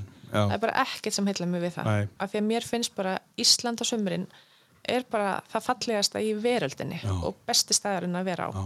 taka sumarleifi sitt á, á vetuna já, já, þá myndi ég klálega freka að gera það þú Já. veist, ég hef farið til Tenerife uh, í mæ, þú veist, mér varst það allt í já, svona áður en að sumari byrja, sumari byrja hér þá fekk maður Mhm. svona D-vitamin skamti sinn bara fyrir sumarið og þá mátti bara veðri vera einhvern veginn hérna, sko, skipti ekki já, já. eða ég mitt að fara veist, og við heimir höfum ekkert verið að fara neitt rosalega mikið erlendis Mhm. fórum reynda til Hollands um daginn það var geggjað, Rotterdam í eina, í eina viku já frábært já, óksla skemmtileg borg Mhm. Eh, Þannig að Af svoleiðis af hverju ferðir- Rotterdam? Bara, Það var bara, þetta var svona bara eiginlega flip sko. já, bara, bara, hérna, bara skemmtilegt. Já, bara Já. hoppa upp í vel, náttúrulega bara geggja að geta farið hérðan. Það fóruð með næsir, Nei, fóru endur ekki með næsir, þannig að Transavia, Transavia, já, bara beint. Já, beint hérðan og svo var maður bara mættar á mánudeginum í Já. vinnuna fyrir nýju sko, Já. lendi hérna um morgunin. Það er alltaf geggja. Já, já. En, en eins og ég segi, þú veist, mér finnst sumrin hérna á Íslandi eru svo falleg og þau eru svo geggjuð Já. að ég vil ekki vera erlendis á sumrin. nei, nei, það, það er bara punktur, Já. það er bara ákveðið hér með. Já, þú veist, Heimir, þú heyrir það? Já, akkurat, þú veist ekki að spá í þessu En sem betur sumrin. deilum við alveg þessum áhuga. Já, já. Hann hefur áhugað því líka hérna, verið tjaldi með mér og, og hérna, Já, það er kósi, sko. já, það er eitthvað geggja við það og Já. bara, þú veist, að vera bara með skítutár og, og hérna, Já. leifa sér að vera bara náttúru tinna, þú veist, af því að hérna daganum er svona, kannski stundum aðeins annan karakter. Og baða sér í náttúruleginni í skóamöðunum. Já, Þess á milli, sko. Já, einmitt. Eh, við náttúrulega um eftir að fara nánar út í það á eftir. Við, eh, þegar þú ert þarna að vinna fyrir eh, söfu og kó, þú ert þar í einhver ár, svo ákveður að fara að menta þig meira. Þú sagðir þú veist, þú varst, með allt í höndunum. Uh, hvað kom til og ákvæðast að fara samt þáleið að bara, en nú ætlum ég að fara skóla? Heyriði, sko, það er svona, kannski, já, ég var hjá söfu, fer svo til Next og er þar í einhver 6-7 ár. Já, það er ekki saman batterið. Nei, Nei, það er annar já, batteri og, og svo fer ég og bróðum minn í það hérna reka batnaveruverslunina Fífu og við Já, vorum með hana já. í nokkur ár opnuðum meðal annars verslun hérna á Akureyri á þessum tíma Ertu að tala um fífu sem er í miðbæ á hotninu hérna? var þar, Var þar, var svo upp í húsgagnahöll í Já, já. kjallaranum Já, já. og er núna nýri í skeifu þannig að við vorum, Og, og hér á Akureyri? já, við opnuðum hérna á Akureyri Mhm. bara vegna fjölda áskorana Já. þannig að það var einmitt skemmtilegt tímbil en, en þannig að við erum að brasa í þessu og, og maðurinn minn þáverandi, hann hérna uh, fær vinnu við háskólan á Bifröst Já. og er að starfa þar og er svona djöklast á milli Bifröstar og, og Reykjavíkur og, og svo bara svona á einhverjum tímpunkti þú veist þá bara ákveðum við að flytja upp yfir, erum bara með hérna krakkana litla og Já. hérna bara geggja tækifæri að fá bara að búa þar Já, þú ert að menna í bifristu upp yfir. Já. já, já. Þannig að það var svona svolítið kveikjan að því að ég ákvaða að drífa mig á þeim tímapunkti í nám. Já, Vist, ég var bara já. í frábæru starfi og hérna, starfaði sem frangvændastöru fyrir hérna, barnaverðverslununa. En varstu þá bara að keira á millið? Uh, nei, sko fyrst bara svona á, tók við ákveðnum að fara, þannig ég í rauninni bara hætti Já, og við fluttum bara upp yfir. já, já. Þannig að hann er bara að vinna þar og ég fyrir skólan Mhm. og er bara bara heimavinnandi og, Mhm. og hérna í skólanum á daginn og, og, og svona bara sjá um krakkana þannig að þetta var svona ótrúlega notalegu tími. Þarna var ég búin að vera bara á vinnumarkanu sinni ég var ung kona og bara alltaf með ógeðslega mörg játn í eldinum einhvern veginn. Mhm. og svo allt í einu var maður bara komin úr Reykjavík fluttur upp á Bifröst bara í það vendað umhverfi sem það er. Mhm. og, og bara komin í allt annað rithma í lífinu, bara fann að, þú veist, að lappa á hraða sníilsins upp í Já. leyskóla með barnið og, Já, og bara, þú veist, maður var bara í svona ótrúlega notalegu umhverfi. Og svo bara að læra þess á milli og, Já. og svona bara, já, Og þá tókstu viðskiptafræðina þar? þá tek ég viðskiptafræðina þar. Já. og hérna, og þetta var alveg geggjaði tími. Og við vorum hérna í einhver, einhver tíma. Já. og svo veikist hann uh, maðurinn minn þáverandi þannig að hann hérna, er svolítið mikið í Reykjavík og í endurhæfingu og svo leiðis og, og svona, já þetta var, var, varð erfiðu tími Já. og hérna þannig ég einhvern veginn sá það að ég þyrfti bara heldur betur að hraða náms hérna hra, hra, mm. sérst, já, bara auka hraðan í náminu hjá mér til þess að geta komist út á vinnumarkaðin sem fyrst Já. ég enda á því að klára þetta háskólanám mitt á einu og halva ári Mm. Vá. tók bara allar einingar sem í búði voru Já. öllum stundum, allt sumarnám Mm. og bara, þú veist bara setti í sjöunda gýr Mm Enn og aftur, enn og aftur, klára. akkurat Klára málið. bara Let's go. let's go þannig að þarna bara já, set ég bara í áttunda gýr og, og bara hjóla í þetta bara dröslast í gegnum þetta nám og, og hérna klára þetta með stæl og þú veist, uh, geðveikin sem það var þú veist, á sama tíma fekk ég einhver velun fyrir sko frábæra námsárangur og þú veist, Já, þetta var vera bara, bara hérna, topp einhvernig samt sko, Já. en það er svona alveg kl- klassísk ég líka sko, Já, að bara gera þetta samt ógæslega vel sko. Mm uh, já, þannig að svo endar þetta nú á því að, að hérna, við skiljum og ég flytt ein í bæinn og Já, hann verður áfram í Já, hann er Já. Mhm. áfram hérna upp frá svona eftir að hann kemur tilbaka á sinni endurhefingu en kemur svo fljóðlega í bæinn. Já, Þannig að þarna f- fer ég í bæinn bara ein með Mhm. hérna krakkana og, og hérna og fæ vinnu hjá nýsköpunarmiðstu Íslands Já, sem já. ég hafði reyndar starfa hjá áður. Þannig að ég var svo heppin að, hérna, að komast þar inn aftur í, í hérna, frábær starf sem var markastjóra staða þar. Já, svona já. upplýsingafulltrú og markastjóri. já, já. Uh, Þannig að þar var ég í svolítinn tíma. Það er spennandi. Það er mjög spennandi. Nýsköpunarmiðstu Íslands og upplýsingafulltrúi allt að gerast og Já. og fullt að nýju og Já, þannig að þetta var skemmtilega tími og Mhm. hérna, en þess að ég segi, ég var hérna komin í bæinn og, og byrjaði að vinna við þetta og bara mjög skemmtilegt og frábært og, og hérna bara, já, bara dásalegt Mhm. og þá hugsaði ég bara, já, nú er ég bara ein með krakkana, nú Mhm. þarf ég, þú veist, ég þarf líka bara að fá herri laun og ég þarf eitthvað að hérna, Mhm. hugsa lífið aftur upp og nýtt. Þannig að þá ákvað ég bara eins og maður gerir þegar maður er nýkominur áföllum og, og, og hérna alveg bara með svona lífi svolítið í höndunum sko að skrá mig í MBA-námi Ja, sem var náttúrulega bara enga veginn rétti tímapunkturinn fyrir mig til þess að fara í bæði bara rosalega kostnaðasamt nám en líka bara ógæslega strempið sko og líka bara ný, komin í já. nýbyrjað að vinna Akkurat. í nýju starfi. já, já, þannig ég hugsaði bara ég verð bara einhvern veginn að veist, ég verð bara búa mig til einhver tækifæri núna Já, og ég þarf bara eitthvað aðeins að hérna, Mhm. efla mig þannig ég gerir það, skráði mig það og fer í það nám og hérna ákvað bara ég skildi ekki láta krakkana því ég var búin að heyra svona Mhm. mítur um að sko ef maður væri í MBA námi þá bara yfirtækjaði lífmanns þannig að maður gæti ekki gert neitt hana Já, þannig ég ákvað það að ég skildi fara í gegnum þetta nám en ég skildi gera á þann háttin að krakkarnir myndu aldrei upplifa og það er mýta.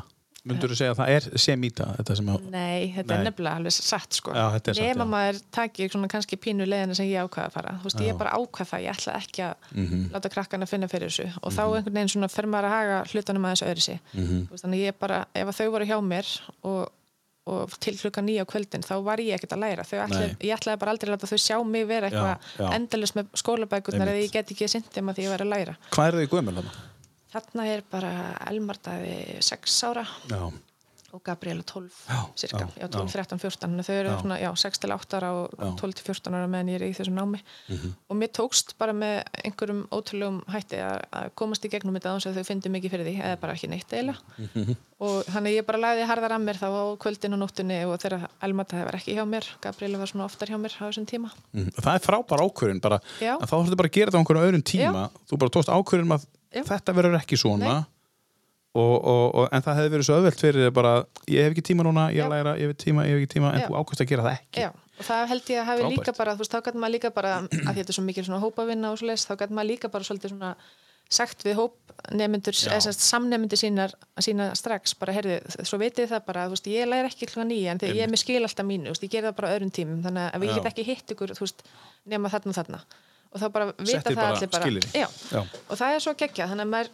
þú veist, ég lærði svolítið mikið af þessu. Já, ég ætla að segja, þetta hlýtur að koma í, í hérna bankan Já, og líka bara að því að fram að þessu var ég alltaf búin að vera svolítið svona kröfuhör og sjálfum með að ég þyrfti nú að gera þetta anskoti vel og, og vera með fínar engun og svona, þarna ákveði ég líka ég ætlaði að vera með lélegar engunir Já, og það var bara ákveðin sem ég tók sem að ég bara algjörlega á skjön við hennar tinnu. Já, að hérna ég hverju? ætlaði bara að vera með lélegar engunir af því að þú veist, ég vissi það að það er enginn að fara að spurja mig hérna, já þú ert með MBA gráði en hvað, hérna, hver, hver var meðalengunni Já. þín úr þín námi það er enginn að spyrja Nei, ég ætla ekkert að gera Fólk er að velta sig ómikið fyrir Já. upp úr þessu vegna að þú kemst ekki undir námið síðan er þetta bara það sem þú ert að fara að gera skilur Þannig að ég Já. tók þessu ákvörun og ég bara stóð við hana. Ég fór í gegnum þetta nám á þess að vera með glimrandi engunni þó að það hefði bara verið fínar. En þetta var samt ákvörun enga síður og það létti svo mikið á manni. Og Já, það, það er ótrúlega magna Já, og svo hefur maður bara svolítið eftir þetta ég hef allavega verið svona aðeins að reyna að tilenga mér það. Það er bara betra að vera meðalmannskja. Það er miklu þægilega og miklu skemmtilega. já og þá getur þú tekið þátt í, í, öllu Meðalmennskan er bara, hengja sig á eitthvað eitt já, hún er miklu betri. vita lítið um margt heldur en vita allt um eitthvað eitt já. Og bara að leifa sér að játa sér sér aðeins. Já, einmitt, láta, láta máta því. eins Já. Já. Skák og mát um, Hendum í lag og, og höldum svo áfram um, hvaða, hvað ég var að taka Tökum nummer eitt. Já um, Billy Corgan Mhm. og, og Co Smashing Pumpkins Er þetta eitthvað bara síðan í gamla daga? Já, þetta er síðan í gamla dag. Þetta er svona kannski hérna, fyrsta tónlist 93? Já, 93 akkurat, ég er bara úlingur hérna Ég held að þetta sé svona, þetta er fyrsta svona tónlistar krössið mitt á hljómsveit. Já, já, Mér áskotnaðist s- hérna kassetta enn og aftur. Já. með upptöku af tónleikum frá þeim og mér finnst þið bara já. og hérna alltaf pínu svona rock í þessu sko. en hérna en geggjur hljómsveit og ég hlustaði svo mikið á þau í gamla daga sko. Og bara, Varst þú ekkert í gestadiskonum eða varstu bara í kassatónum? jú, hérna voru reynda geisladiskanar að koma Já, er ég það held ekki? ég að fengi fyrsta geislaspilaran minn þegar ég var 13 ára sem er sem einmitt 93 ég átti reyndar ok. þessa plötu á geisladisk, jú, jú en, Voru kassettunar alveg hann yfir 90? Ég bara já, náði það ekki. já, Já, það er svoleiðis. það er svona 92 Já. 3, þá fór þetta að skiptast. Við skulum heyra þetta lag með Smashing Pumpkins, Today.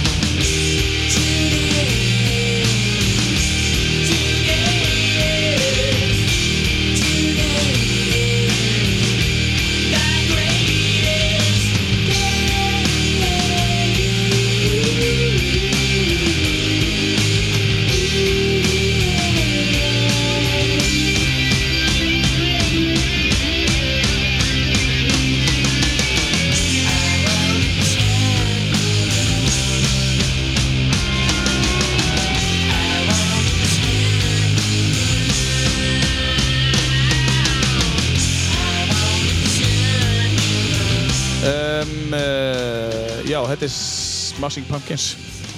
Ég ætlaði að fara að segja þetta hérna, Siamese Pumpkins, þetta er, platan þetta er Siamese Dreams. Um, um, ég ætlaði að sína þér hérna uh, plötuna sem að, hvað heitir þetta stóra platan þeirra sem að kom út undan þessari? Var þetta platan? Ég held að þetta er platan en, Þetta er platan, já. Stóra platan þeirra. Já. Já, já, já, já. 1979, já, það er, það er lagi sem að ég mundi eftir með þessu bandi hérna, þetta hérna, ekki, ekki, þessi hérna, uh, þetta lag. Já, þetta finnst mér alveg Geggjaður geggja lag, sko, já. Þarna er ég með Smashing Pumpkins. Já. Já, einmitt. Ég var að reyna að muna hvaða lag það var, það var þetta lag. Um, já, við vorum, uh, höldum áfram það sem við vorum áðan, uh, Tinna, og förum aðeins ofar. Þú ert uh, komin í bæinn og þú komin í Masters, þú kláraði þá náttúrulega á einhverju með tíma, eða ekki? Hvað tekur svo við hjá þér þegar það er búið? Tekur einhvers konar viðhósbreyting hjá þér við þá, herru, ég ætla að fara að vinna við eitthvað annað en það sem ég er búin að gera síðust tíu árin eða, eða ég ætla bara að halda áfram þar eða sko, hvað er það sem gerist? það er svolítið magna þegar maður fer í gegnum svona námi svo MBA-námi, það er svo mikil svona sjálfsvinna það er, og það er rosalega algengt að fólk hreinlega sko skilji eða skiptum starf Já. í svona ferli sem MBA-námi er Eða bæði? eða bæði jafnvel það var eiginlega svolítið magna því að maður byrjar á alls konar svona sjálfsvinnu og þú veist að búa til einhverju svona framtíðasín og þú veist bara svona aðeins að átta á því mitt hvaða manneskja þú vilt vera, verða á vinnumarkaði og bara í, í engalífinu líka. Mhm. og það er svolítið kafa svona svolítið djúft og eitthvað. Þannig að ég held að það sé alveg hluti af ástæðinu fyrir því að, að þetta uh, er raunin. En kannski líka bara einmitt fólk er komin að einhver stað og ákveður þess vegna fara í þetta nám Já, og svo bara verður gera slutinni þegar þú ert byrjaður sko. Þannig að bara, konan segir ég er að fara í NBA nám, það bara Já, það, það er raukt flagg sko. Það er raukt flagg. Já, ok. Nei, en hérna ég held allavega að þetta er algengt og, hérna, og við sáum þetta bara í hópnum sem við vorum við vorum reyndar í frekar stórum hóp Já, en bara geggjaður hópur og það er svo gaman að koma inn í svona hóp það sem er svona mikil dýnamík. Það er alls konar fólk, bæði kyninu þetta fólki í, þú veist, forstjórastöðum með stærstu fyrirtæki landsins, líka bara einirkjar eða frumkvöðlar og fólk á öllum, þú veist, lífs- og aldurskeiðum mm summi börn og aðrir bara löngu búnir með þann pakka og komnir bara í krútlegt ömmu og afa hlutverk. Og þú veist, bara svona, þetta er allir skalinn en einhvern veginn þarna bara kristallast það að veist, við erum öll bara fólk og við erum öll bara manneskjur, vinir og þú veist, það, er, það eru engin svona um, landamæri þarna eða hindranir eða þú veist, það er, það er allir bara með allt niðri, þú veist. Já, og allt það er svo, allt upp á borðum og allir svo heiðarlegir og maður er svo mikið að bara svona kafa og gefa af sér og eitthvað svona Já, ok, vá. og maður kynnist fólkinu svo djúft í svona hóp sem að hittist svona reglulega og er einhvern veginn öll í þessum fasa saman og, og það er svo frábært þannig að ég á mína bara marga mínum bestu vinnum úr þessum hóp Já, já.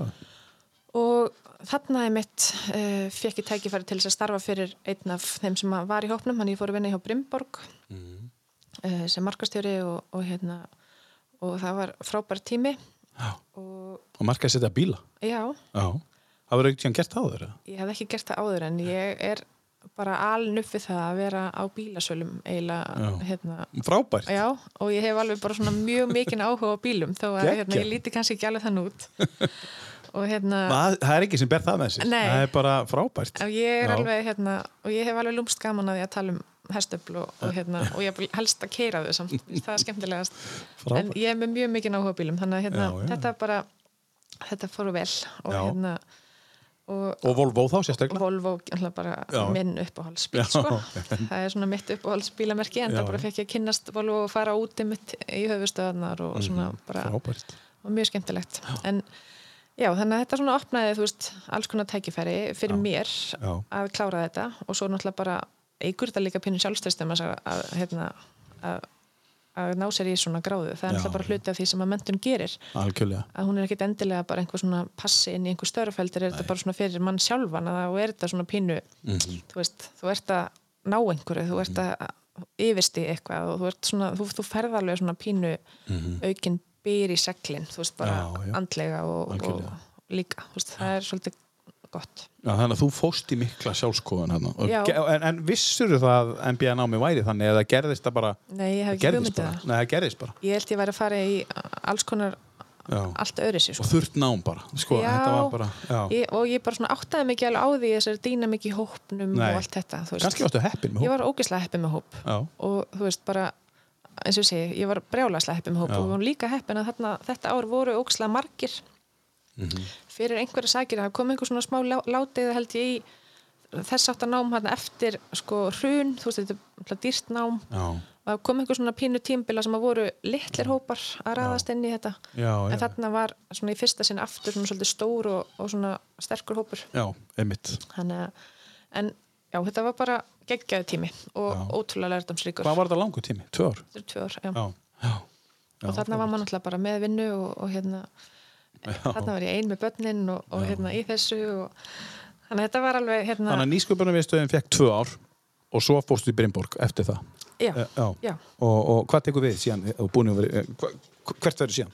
þegar ég er búin í Brynborg þá fer ég bara í smára lindina Smáröndina. Já. Já. Og þá, þá kemur það starttíðin. já, já.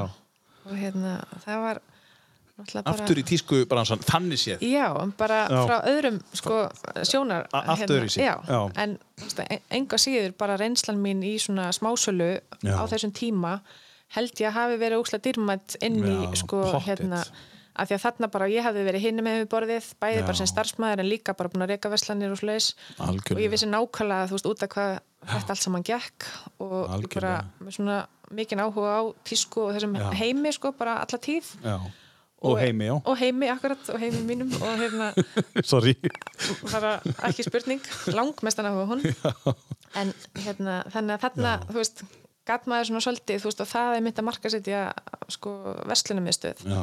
þá þarftu að hafa svona pínu þekking á því hvað sko leigutakarnir vilja og hvernig þeirra Einmitt. starf er þú veist, Einmitt. hvað er gott fyrir þá þú veist, Já. hvað hérna Þegar þú hefur skilningin að þú hefur verið hinum með við Já. borðið, þá þarf ofta ekki að ræða hluti. Er bara, þetta er bara Já. svona því ég veit hvað þið viljið þetta. Já, og það var svolítið, þú veist, Já. það síndi sér alveg að, að hérna, þessi reynsla mín var mjög dýrmætt og líka bara því. í því að þú veist, ná, við náðum alltaf bara fullt af alþjóðlegum vörumerki til landsins Já, inn í inn í smáralindina. smáralindina og svo þegar vorum fann að selja hafnatorki með líka sem sko Mm. destination nummer tvö, þú veist, þá fóru hlutina að gera svolítið hratt fyrir okkur þar að segja við vorum að ná vörumerkin til okkar sem hefðu kannski áður fyrir frekar ákveðið að fara í kringluna en að því við gáttum búið upp á tvenns háttar Bæ- bæði, já. hérna, destination eða sta staðsetningu fyrir það Já. að þá svona sm- smám saman fór smáralindin og við bara breyttum líka bara umturnaði markastarfinu og Mhm. hætti að vera bara með áherslu á viðbyrði heldur bara auðlýsing á hverjum einasta degi og auðlýsa meira fyrir leigutakana og reyna fá fólkin Já. að þetta var til þess að smáralindin tók fram úr kringlunni sko. Já, já. Sem hafði sittið eftir. Já, sem að hafði alltaf, smáralindin hafði alltaf fram að þessum tíma verið svona underdog kringlunar aðlilega því að kringlan er eldri Já, líka já, já. og svona og fyrstu árin bara erfitt að fylla smáralindina en núna er smáralindin uh, bara búin að ganga brjálæðislega vel. Varst það þú sem að ringdir í H&M? Nei, það var, starf, nei, það var starf sem var byrjað Það en, var það sem að byrja þá? en ég kom alveg að alls konar viðræðum og svona Já. og, og, Monki og Víkti eru verslanir sem að þeir eiga og Kós. Þannig en þetta var bara mjög skemmtilegu tími og þarna vorum við líka að vinna með sænskum ráðgjöfum Já, já, uh, sem við hittum mikið og þú veist við fórum að hittum Gucci og já. Prada og Louis Vuitton og þú veist bara svona alls konar þú veist við erum búin að Hvernig snerta hættir maður í svona jobbi? það er nefnilega, sumir skilja ekkert hvað ég óskupum að hafa verið að Það var bara gera ringt í því, tina mín, hvað, hérna, ertu búin að missa vitið núna? En eins og ég segi Skóaböðin eru spennandi, skilur og, og, og, og það er náttúrulega umræðið sem við mögum að taka núna næst. Um, um, já, frábært starf um, og þú tekur ákvörðunum bara að það kemur upp einhver auðlýsing, ég ætla að sækja um þetta starf. Uh, hefur þú gert það að þú verið ekki búin að tengjast heimi hérna? nei, Nei, ég hef nú sennilega ekki gert það nei, nei. Þannig að þetta er honum að kenna og þakka. Já, akkurat, þetta er hérna Kenna og þakka. kenna og þakka Líður vel á akkurri? Mér líður rosalega vel á Akureyri og ég hef alltaf elskað Akureyri. Það er einhver svona, Akureyri er alveg minn svona uppáhals sko bær á landinu Já. Uh, og þú veist, hendar mér að mörguleiti miklu betur en Reykjavík. Ég er rosalega lítil Reykjavíkukona þó ég hefi, þú veist, elskast að vasast í Já. miðborgamálunum í fyrra starfi og verið að skipta mér af og verið í alls konar stjórnum og eitthvað svona sem tengdust miðbænum og hafði ógæslega mikið passion fyrir miðbæ. Reykjavíkur og Og uppbyggingu uppbyggingu og- og, bara svona, ég hafði alveg bara mikið passion fyrir því Já. en þá enga síður þú veist, er ég bara sveita luppi og ég vill bara vera helst einhvers þar einn bara með heimi og börnunum Já. einhvers þar upp sveit sko. Einmitt. það er bara svolítið ég Já, og, já, ok, þannig að það er í grunninn þú. já, Þannig að hérna, ég var að hugsa sko, um allur hraðin og all, all, all, all, þú veist, ég er ekki að stressi en svona poweri í kringum allt sem við erum búin að vera að gera kemur til Akureyrar, oft margir sem kallaði þetta slow town hérna á Akureyri, skilur þú bara, eins og þú segir, þú labbaði með batnið út í, í leikskóla eins og orðaðar áðan í bifuröst bara, bara á skjaldbökur aða, skilur þetta hendar ekki öllum sem að eru búin að vera í þessu umhverfi sko. en, en, en þú ert að segja, hjá þér er þetta meira þú hér heldur en alveg geggjað. Og þú veist, Já, ég meina bara þegar við komum eða veist, við, þegar við hittumst heima á daginn þá fyrir við í göngutúra og, og hérna já, lapp út með hundinn og þú veist, bara þú veist, að vera í þessu og bara vera ekki alltaf einhvern veginn með bensingjöfuna alveg í botni þó að ég sé nú alveg búin að borga nokkur svona sekt hérna á hlutinni hérna. Það er 50 sko. Ég, ég veit, ég er búin að læra þetta 30, núna sko, þannig að heimur var ekkit hérna, að skilja, hann skil, bara skildi ekki hvernig, hversu oft ein kona getur fengið sekt á sama staðnum sko. Já, það- ég veit hvað ljós það er. Þannig að ég er búin að læra þetta núna. En þú veist, maður var alltaf bara ef maður fór um millistæði þá bara þurfti maður að setja allt í bótt Það er pínu brekka þú þarft aðeins að gefa í hérna sko. Æ, takk fyrir að standa með er, þetta, er, þetta er pínu ósangjant sko. er Þú ert aðeins að gefa í og svo bara, þú ert í ekki 57 þá Já. fór ég sekt sko. Þetta er svona ósangjant Já, sko. minnst það Samt- pínu leðilegt Ég er sammála, ég er algjörlega pínandi Um, um, við ætlum að taka næst skoðaböðin þegar þú sér auðlýsinguna og hvernig þú fær jobbið og allt það, við ætlum að taka lag áður. Um, hvað er að taka? Amy Winehouse vinkonu mína. Já, Þetta er ekkit endilega upp á slæði mitt með henni mér finnst hún alltaf bara, svo, bara sem tónlistamæður svo geggjuð. Mhm. og hérna já, leitt á hún sér farin já, bara respekt á þennan geggjaða tónlistamann sko, en það er svo mikil missir af henni það hefur verið gaman að upplifa hann áfram sko. 27 ára, hún fór líka Já. 27 eins og allir Scary. ó, þetta er frekar skeri sko. Já. uh, You know I'm no good, þetta er Amy Winehouse. You say, what did you do with him today? And sniff me out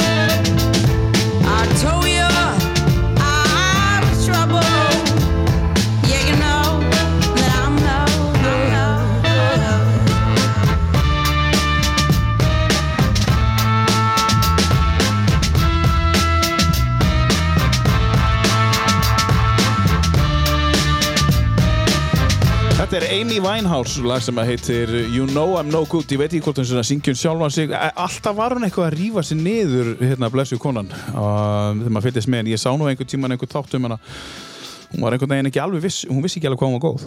Nei, sem að getur stundum verið kostur sko, þegar maður veit ekki hversu góð maður er. En, en uh, klálega, en er þetta ekki bara pínu eiginleiki okkar kvenna stundum? Kannski. Að Ég upplifa allavega stundum þannig. Kannski, Við erum svo kröfuharðar á okkur sjálfar Já. alveg sem ég var að segja á hann bara með sjálfa mig já, Ég hef alveg gengið gegnum svona tímbila sem maður hefur alltaf kröfuharðar á sig en, en ég held að maður er mitt að reyna frekar að upphefja sig og vera bara Já. svolítið glaðið með það sem maður getur og hefur kannski eru við menn, kallmenn, eru við okkur kannski eins meira sama, við bara svona Já. prófum þetta bara og sjáum hvað gerist og mér er sama Já.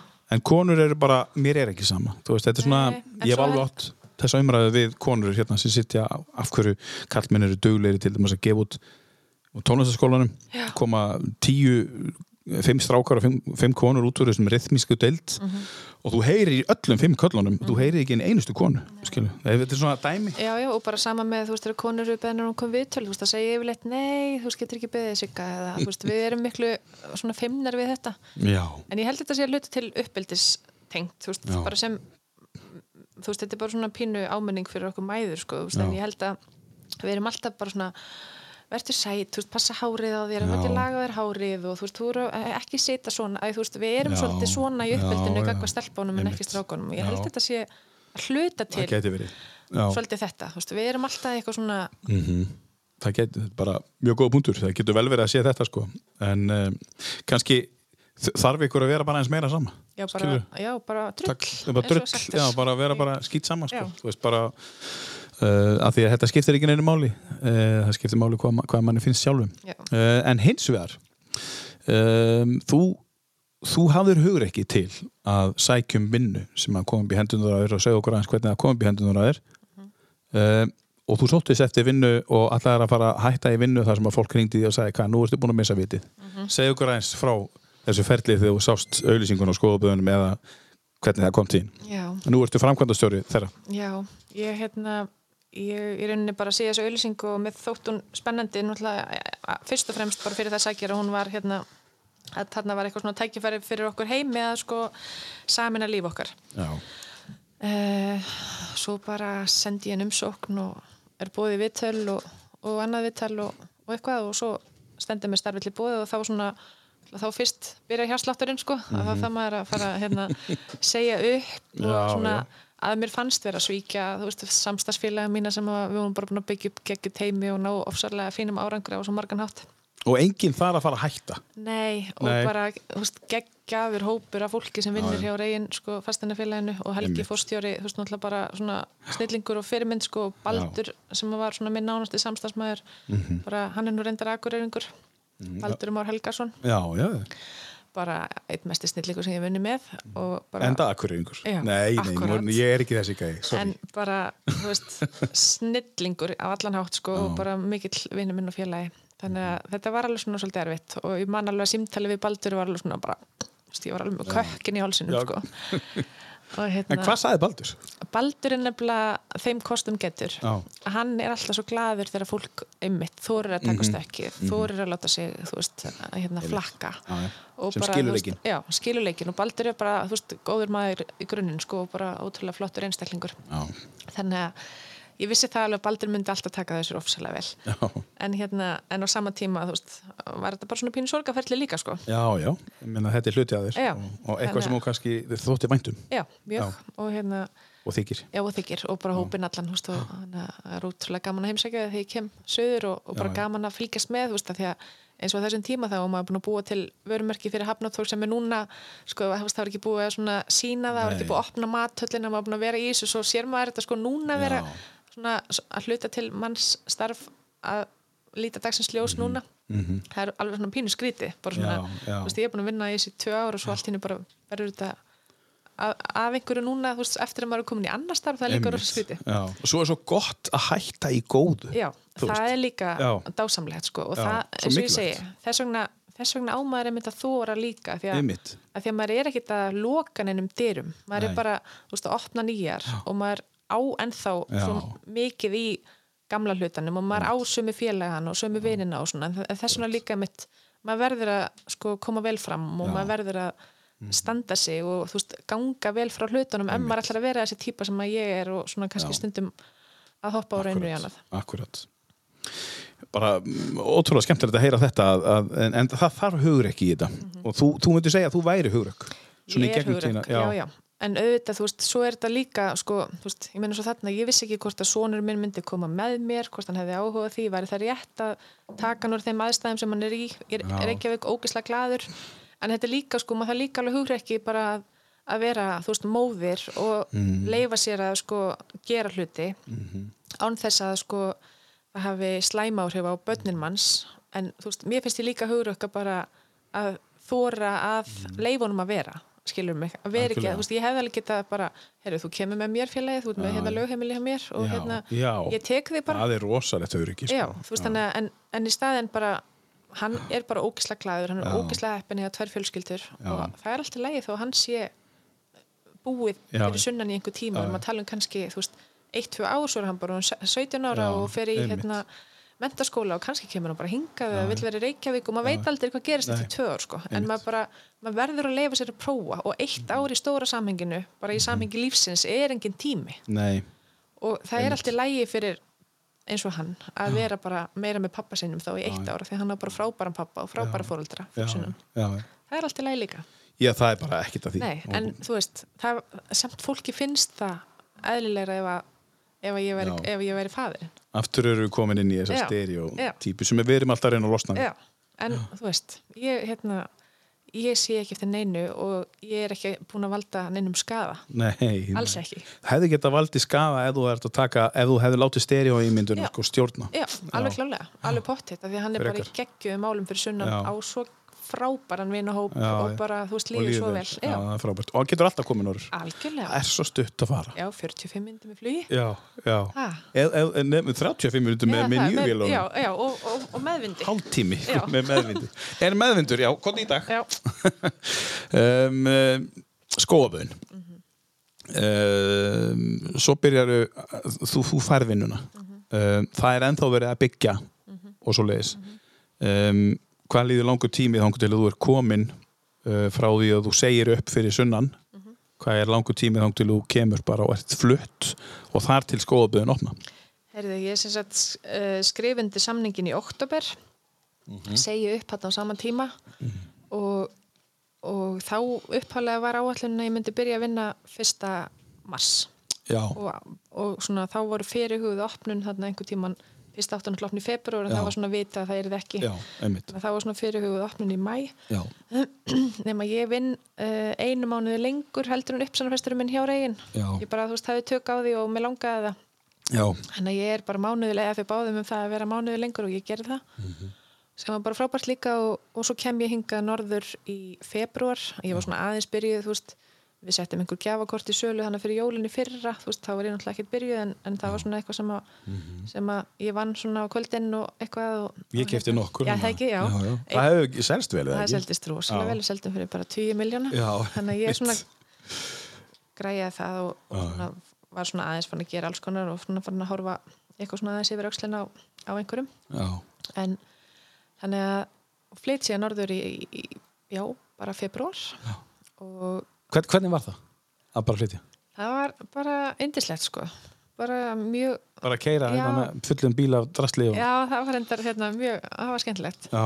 en svona fyrst þá náttúrulega sko við vorum að býða eftir að fá húsi afhend, fengum það ekki afhend fyrir sumarið Já.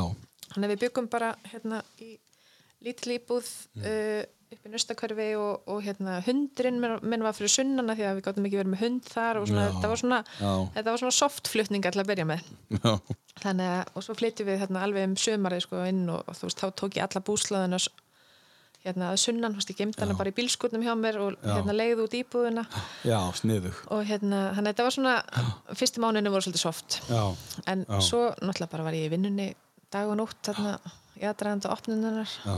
og, og í rauninni svona fyrstu mánuðina þú veist þá ég hitti heimi miklu meira þegar við vorum í fjarbúð Já. á milli landslutu heldur en eftir ég flutting sko, að maður kom bara heim rétt yfir blá nóttina, kvildi sig aðeins og þú veist var í vinnunni sjötaði vikunar kannski frá 8 til minnættist eitt alla daga. Já, já.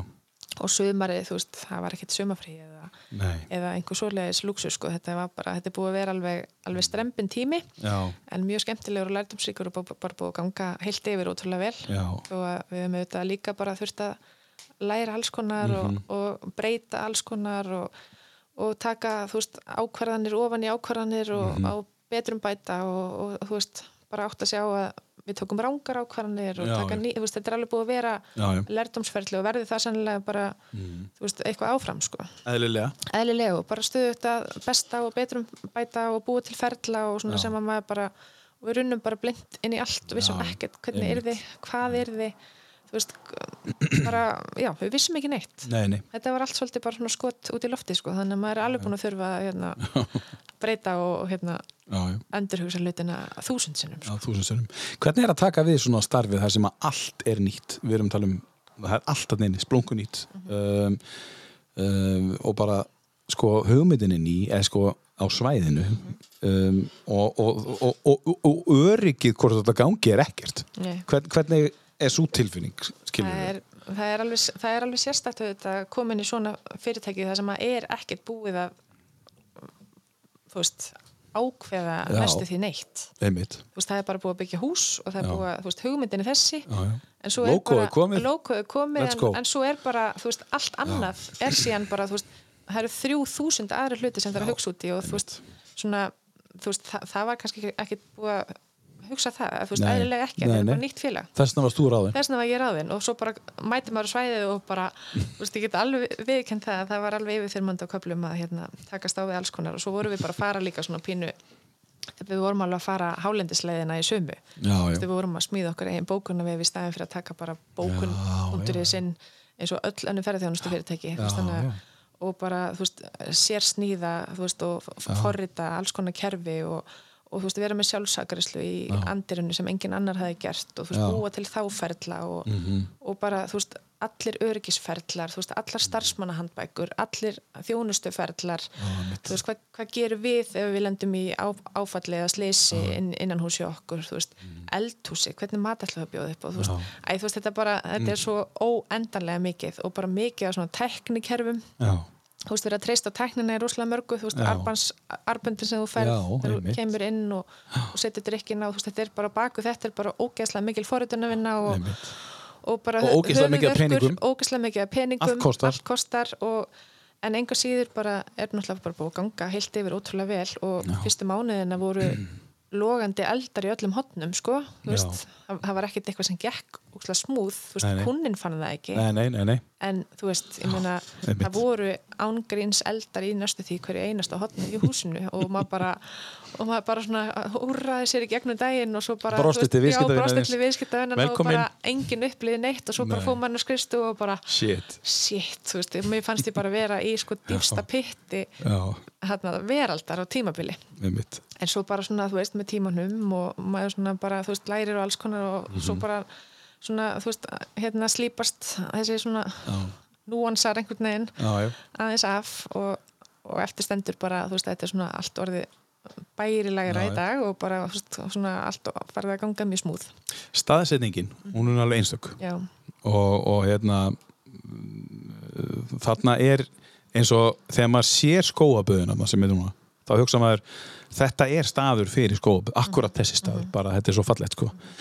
síðan hefur maður heyrt flekt fram að því maður býr nú akkurið að þarna er ég að opna hótel er það eitthvað sem er komið er, það lendamál eða má nei, finnur og síða náttúrulega, eigundur hafa alveg talað ofnbörlega um þetta þau Mhm. eru sérst núna búin að leggja í rauninni uh, bara umsókn fyrir því að gera deiluskiplasbreytingar hann á svæðinu og byggja þarna 90 metrum sunnar mm. -hmm. skóðaböðun uh, hótel sem er þá 120 herbyggja hótel já, og pælingin þeirra er í rauninni bara þú veist bæði að nýta þetta landi sem að þau eiga Já. sem er ótrúlega fallegt á frábærum stað en að tengja þetta hótel einhver leiti skópöðunum á þess að verði reikið undir sama hatti, þú veist, pælingin er að bara reysa þetta hús og útýsa reksturinnum til einhverja annara rekstraðila sem eru bara góðir og færir í því að reyka hótel já, þannig að það er ekki pælingin að reyka þetta saman en einn leiti nei. nema það þú veist að tengja þetta saman samt á þann veginn að gestir hótelsins geti gengið Mhm. á milli svæðana og í rauninni farið ofan í skóaböðin hótelmegin líka Já, já, þar getur já. fengið arband og svona fengið einhverja leið þá að böðunum Uh, hönnunin þá og útlitið verður það svipað? Uh, Já, eða þetta er já, í anda skóabæðana Já. þú veist, svolítið svona náttúrulegt uh, pínu svona bara verið að leifa náttúrunni líka hérna, Já. að þú veist, sp spila stóra rullu í hönnunni Mhm. og að þú fáir þess að þú veist, það sem að, svo margir segja sem komið skóaböðin, þú bara, þú veist, þú upplifir náttúrunni svo stert, bara strax í uppstíðinu Einmitt. og þau eru búin að vera í samtali við Basalt arkitekta til dæmis Já. sem að hönnuðu skóaböðin Já. að sjá um hönnun og hótelun líka þannig að svo Já. vinna er í gangi Hún er farin að stað og er komið leiði þess að það má byggja þann. Nei, það er ekki, það er ekki komið Nei. ennþá Þannig að Það tekur alltaf tíma. Þetta tekur alltaf tíma en Já. ég held að allir séu bara viljur fyrir því að það vantar, það vantar klálega Já. hótelrými á Akureyri, það vantar klálega fjögur á stjórnu pluss gistingu á Akureyri Mhm. við eigum ekki nógu mikið að svo leys núna Og verður þetta fjóra sinni blús? Já, það er allavega jafnvel? Nei, nei, nei, það er kannski aðeins svo langt gengið, allavega 120 herbyggja hótel er ekki, það er ekki þörf á því Nei. Þeir, þeir eru stærðagaráði Nei, fyrir ok. fimm stjörnu Ok. En við erum að fá fimm stjörnu hótel náttúrulega bara hérna á höfðan hjá Greinivík Já, Þannig að við erum að fá Rosaleg fimm hugmynd. stjörnu hótel á svæðið Já. sem er frábært Já. og þú veist, við erum með þyrlupall í okkur og við erum að taka móti mikið af þyrlum frá emitt eplum og Hvernig, hvernig kom svo hugmynd? Hvernig, hvernig datt ykkur í þyrlupall? Herði, sko Finnur náttúrulega er snillingur Já. og drífandi með eindæmum Já. og það er náttúrulega aldrei lokmódla í kringum hann Nei. og ég held að ég hef tekið á móti cirka tveimur tölupóstum þarna einhverja vikuna sem að sem að að það sem var að vera að óska eftir því eða spyrja hvort að það væri möguleiki að lenda þyrlu Já. ef að hó- hópur kæmi hvort að það væri möguleiki að lenda þyrlu einhverstað nákvæmnu og ég segi þetta, finn ég segi svona finn það er bara komur hérna nú tvær fyrirspurnir í röð varandi þyrlupall já, við förum í þetta ég bara já, ok, og bara skoðum það og eitthvað svona og svo bara liður tveir dagar og þá er Finnur mætti með gröfina að byrja þér á þyrlupallinum er magnað. og hann er bara tilbúin á tveim vikum eiginlega. Þannig að bara, Þetta er ekta finnur. Þetta er ekta finnur, Já. hann bara hjólar í verkefnin og það var bara þannig að í sumar að þá var hann bara ótrúlega mikið nýttur Mm. og bæði, bæði þyrlupallinu sjálfur en líka þarna bara í flæðamálinu fyrir neðanböðin stærri þyrlu lentu þar, hann við gerðum Já. svona stíg þaðan upp að aðalstignum Þetta er svolítið skemmtilegt að sjá þetta þegar þetta gerist. Þetta Já. er svolítið útlenskt. Já, Bara, vá.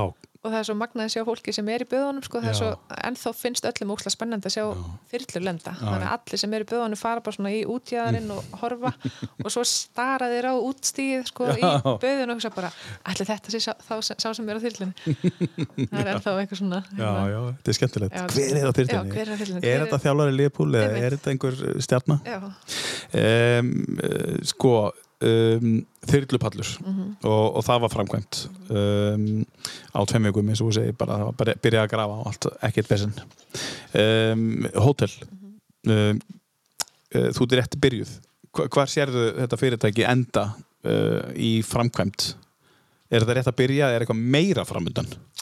með sko við gætum það eru stekkuna möguleikar á húsinu við gætum sett veist, aðra hæð ofan á það Já, og þú veist það væri þá til dæmis þar væri alveg hægt að búa til einhvers konar svona veislusal. Þú veist við upplöfum það núna eins og veitingasalurinn hjá okkur. Hann er svona kannski full lítill fyrir sko hópa. Já, og það er rosa mikið fyrirspurnum fyrir veist hópa að koma og fá sér að borða og í böðin. Og Mhm. Við getum eiginlega ekki tekið á mótið þeim núna þannig að maður er svona starta stöðu þetta að vísa þannig fólki frá já, sem er sárt svona í business hjarta sko. Þannig að það væri alveg svona einn leikur að, að hérna, gera það. já. Uh, annar kostur væri þar að vera með einhvers konar spa, svona einhvers konar treatment. Líka satt það all? ah, nei, kannski meira bara eitthvað svona nutt og eitthvað og svo les en kannski er það bara eitthvað sem verður þá hluti á hótelkonseptinu meira. Já, einmitt. þannig að, en ég meina, böðin eru bara svona ídíali stór myndi ég að segja, veist, við getum tekið á móti 204 gestum í einu, við gætum fjölgaði aðeins með því að minka nokkra skápa og gert tvo- skápa úr einum Já, já, já. en það er ekkit endilega veist, það er þá yfirleitt þá bara að kostna gæðana Já, já. í byggðunum og já. og það er, veist, þetta er svona þægileg stærð upp á það að þú ert ekki þá að taka móti 500 manna hópum í einu ef við værum með pláss fyrir 500 E- manns þú veist, þannig að þá það verður svona annar rytmi og jarbuðun er að stekka núna hjá sér og þeir munu enda í yfir 600 skápum Mhm. þá ertu komin í svona pínu massatúrisma Mhm. skóaböðun finnst mér eiga bara að vera aðeins minni og svona Mhm. örlítið krútlegri og persónulegri Já, Þú veist, við erum bara hérna í, á Akureyri með Já. fólkinu sem býr hérna, þú veist, þetta á að vera staður að mínum mati, ekki bara túristastaður, þetta á að Mhm. vera staður líka fyrir landsmennina, veist, Íslendingana og Akureyringana Já. fyrst og fremst. Já. Þetta á að vera staður sem við getum, veist, komið og notið og þetta er ekki bara túrisma maskína, sko. Hefur komið upp svo hugmynd tinna hjá ykkur og stjórninni og eigundunum að uh, bjóða akkureringur með eitthvað sérstaklega kjör onni? Við náttúrulega erum núna með vetrakortin. Já, vetrarkort, Það er náttúrulega, þú svona eitthliður í því að, að hérna, bjóða upp á það. Já, hvernig virka vetrarkortin? Þá ertu bara að kaupa þér kort sem að kostar x upphæð Já. og gildir á tímabilinu oktober til apríl loka Og mátt fara og onni eins og oft og- vilt onni. Þú náttúrulega ansi fljótur að, svona, að ná upp í þann kostnað já, og getur þá komið bara daglega eða Já. tveisa þessari viku eða hvað. Að það er ótrúlega margir búin að kaupa svona hjá okkur Já, og nýta þetta vel. já, Og það er bara frábært. Og svo höfum við verið að bjóða þú veist, upp á tónleikana á 50 dögum. Við verðum með tónleika alla 50 segja okkur eins frá því. Hva, þessi viðburu, hve- hvernig kom svo hugmynd að vera með tónleika og Sko fyrst byrjaði þetta svolítið því að Finnur var búin að tala við sko kvandalsbræður um að vera með svona opnunar hérna partí. Mhm. og þeir skildi sko spila. Og þeir væri bara, við myndum hafa það upp á sánuhúsinu og bara það er þið alveg ekki mm, og svo heldum við reyndar aldrei þess að tónleika með þeim en það, þeir voru samt fyrstu aðalanin sem að komu síðan og spiluðu hjá okkur. Já, og það var svona svolítið bara, þú veist, að við vorum bara að efna þessi heit okkar að halda þessa tónleika með þeim hann í upphafi og, og svo bara fylltust böfin og það var bara ógeðslega skemm, skemmtileg stemning. einmitt. Bara mikil bjórsala og bara svona allt annar rithmi í böðunum þá heldur en alla hinna dagana. Já, einmitt. Þannig að við bara ákveðum að, að við skildum nú aldrei skera þetta aftur og það voru allir svo heimilifandi með Já, þetta þannig að við hugsaðum bara, herri, gerum þetta bara alla 50 daga bara svo lengi sem veður leifið er. Og við erum bara með tjald og við erum bara með svona krútlega hitablásar eins og fólk er með á svölunum hjá sér og, og þetta er allt svolítið krútlegt en, hérna, en þú- bara virkar. Þú getur farið bara eins og þetta er jafnstór, eh, 204 er 200 maður sem komst inn á græna hattin Já. Þetta er svona sepi pælingnum að þú er bara á sundskílunni Já. og drekka bjór. Já. Að hlusta á tónlist tónlist já. Ógislega skemmtilegt. Ógeðslega skemmtilegt. Og það eru fleiri, fleiri artista búin að koma til ykkar og, og stórn Já, og, og hérna eh, búin í sumar. Já, já, já, og við erum bara, þú veist, hvergi hætt sko, af því að okkur langar alveg að halda þess áfram, en þetta er ótrúlega skemmtilegt. Já. og fólk bara, þú veist, upplifi böðinu annan hátt Já. og þetta er svona bara, þetta er öðrísi, útlendingunum finnst þetta geggjað sko. Mhm.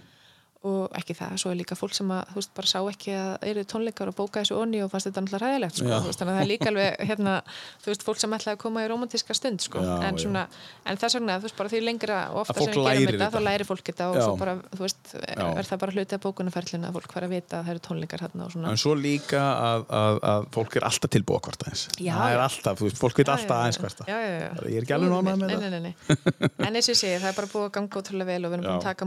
það 65.200 gestum cirka sem við opnuðum, hvenær opnaðu þið aftur? lók mæ 65.200 gestir. Þannig að það er bara ótrúlega flottur Vá. árangur á ekki lengri tíma. Já, það er án magna og hérna, og veist, ég veit bara þegar við byrjuðum þá vorum við náttúrulega ekki búin að læna sko neinum hérna samningu við neina ferðskastöður eða neitt, þú veist, við bara óðum á stað sko, leðu húsið Já. var tilbúið. Já, Núna erum við komið með samninga við, þú veist, um 60 ferðþjónustæðila og bara næsta sumar verður sturla hjá okkur, sko. já Það er bara þannig. Sko, þetta eru, þetta eru 300 gestir á dag, þetta eru 10.000 gestir á mánuði, þú veist, að meðaltali. Já, Þetta er rosalegt. já. Þetta er Rosa tala. ótrúlega, ótrúlega En fínar það er, planið alltaf fullt. Já, Hvernig ætlið að, þegar þú opnum hótel, hvernig ætlið að vera með plan fyrir, að, það lítur að koma annar plan fyrir hótelið? já, já, það er náttúrulega innkoma, eða þú veist, aðgengi að hótelin er þarna innar á veginum, Já, veist, já, sunnar. Já, ég skil, Þannig að sennilega verður bara sér. bílastæðin í kjallara, veist, þannig að ásýnd skóarins verði Mm, sem best. mhm. Ég held að það er útverst einhvern veginn þannig. Bara svona til þess að ljúka þessu. Á einhverju tímapunkti þegar þú varst að vinna sjötaða vikunar og fórst klukkan 8 og komst klukkan 12 á einhverjum bara milli okkar Eh, heyrið þetta ekki, frettir þetta ekki varstu aldrei bara shit, hvað er ég búin að gera Jú, hérna, það kom alveg svona, veist, en, Já. en, en það var ekki af því að mér þætti ekki verkefni spennandi að Nei. skemmtilegt, en ég var bara svo böga að þreyti, já, sko. ég er að meina það veist, ég kom alveg heim og ég bara laðist á aukslana heimi og bara grét, sko. já, já, bara, ég get þetta ekki, ég get ekki meir og hérna, þú veist, það kom alveg þannig já, þetta voru bara februar, mars, apríl bara kessla Já, það var meira samt svona kannski april, mæ og Já. fram í júni, þú veist, bara eftir að við opnum Já. veist, og svo bara eftir að við opnum þá bara var fullt alla daga og Einmitt. maður bara, þú veist, maður bara varð að vera þarna Mhm. Af því að þú veist, kerfinu virkuðu ekki alveg og þú veist, þannig að maður var bara í afgjörslinni og bara góðan daginn, þú veist, alveg bara eins og ekkert væri að, sko, en hérna, það var náttúrulega hellingur af. Já, já. bara, Já, þú veist, þú maður inn á skrifstofu þegar, hérna, loksis hérna, fjall niður rauðin og reynda eitthvað neginn keiri eitthvað í gegn eða laga eitthvað, eitthvað. En hvernig er núna með skóabóðin? Það, þú, getur, þú getur veslað uh, vetarkort uh, og þú finnur þetta allt inn á, hvað heitir heimasíðan ykkar? forestlagoon.is forestlagoon.is og þar getur við veslað bara þessi vetarkort og það er, en ef ég vil fara onni bara spontant, Mhm. uh, kemst ég bara um helgar bara áns að bóka? Já, við Já. alltaf, við erum aldrei með svona fullt availability, á vefnum þannig að við eigum alltaf svona einhver slott fyrir það sem að koma við Bara það er ennþá mæta. bara, það Já. er svo mikil fjöldi sem að mætir, það eru Já. alls ekki allir að bóka fram en tíman, þannig að ennþá er það hægt, en sennilega Já. eins og í sumar já. þá myndi ekki geta gert það Nei, sko. nei, það er svona yfir vetartíma. já, já, já, Já, allan daginn og bara og þú veist, og bara búið við til pláss fyrir fólk Þú sagði mig áðan uh, að, að, Húsavík ætti svona, þú veist, þú ert svolítið heim þar þú, nú ert í samkeppni við bara Húsavík hvernig er það? sko, samkefni er nefnilega svo jákvæð Já, ég lít alltaf á þannig og það Já. er einmitt eitt, eitt af því sem að, hérna, að því að nú var í smáralindinni það sem að sko maður er svona allan, allan daginn í því starfi að miða því að þú veist búa til svona konsept sem að trekkir fólk að og sleiðis já, og þar var maður stundum að taka ákvarðanir gagvart leigutökum, til dæmis bara gullsmiðir sem að, þú Mhm. veist, voru staðsettir hist og hér um húsið, en maður vildi setja það á sama stað Mhm. maður á alltaf, þú veist samkeppnin er alltaf jákvæð svo lengi sem maður er að búa til svona destination. Og það er, þú veist, í retail til dæmis, Já. þá er galdurinn að raða saman líkum rekstraðalum á sama blettin Akkurat. Af því að með því móti býr maður til destination. Já, og þess vegna þú veist, er Norðurlandi núna orðið stert af því nú erum við til dæmis með þrjú buð Já. en ekki tvö já, þannig að þá er orðið miklu meiri ástæða fyrir markkópin Mhm. okkar og viðskiptafinni að sækja okkur heim og prófa öll þrjú buðin og það er nákvæmlega sem maður sér á útlendingunum að gera Mhm. og þetta bara skapar virði og þetta er bara alveg svo í smáralindinni að fólk þar þú veist, áttaði sér ekkert á því og bara ég vil alls ekki vera hliðin á honum, sko, þetta er Mhm. Já. jú, það mun hérna, efla ykkur báða, Já. þið munum báðir græði á því og það var alltaf raunin. Já, að einmitt. báðir aðalega grættu á því að vera nála hverjum öðrum. Og það er bara nákvæmlega þetta. Já, því fleiri staðir, því fleiri baðstæðir því miklu betra fyrir Ísland.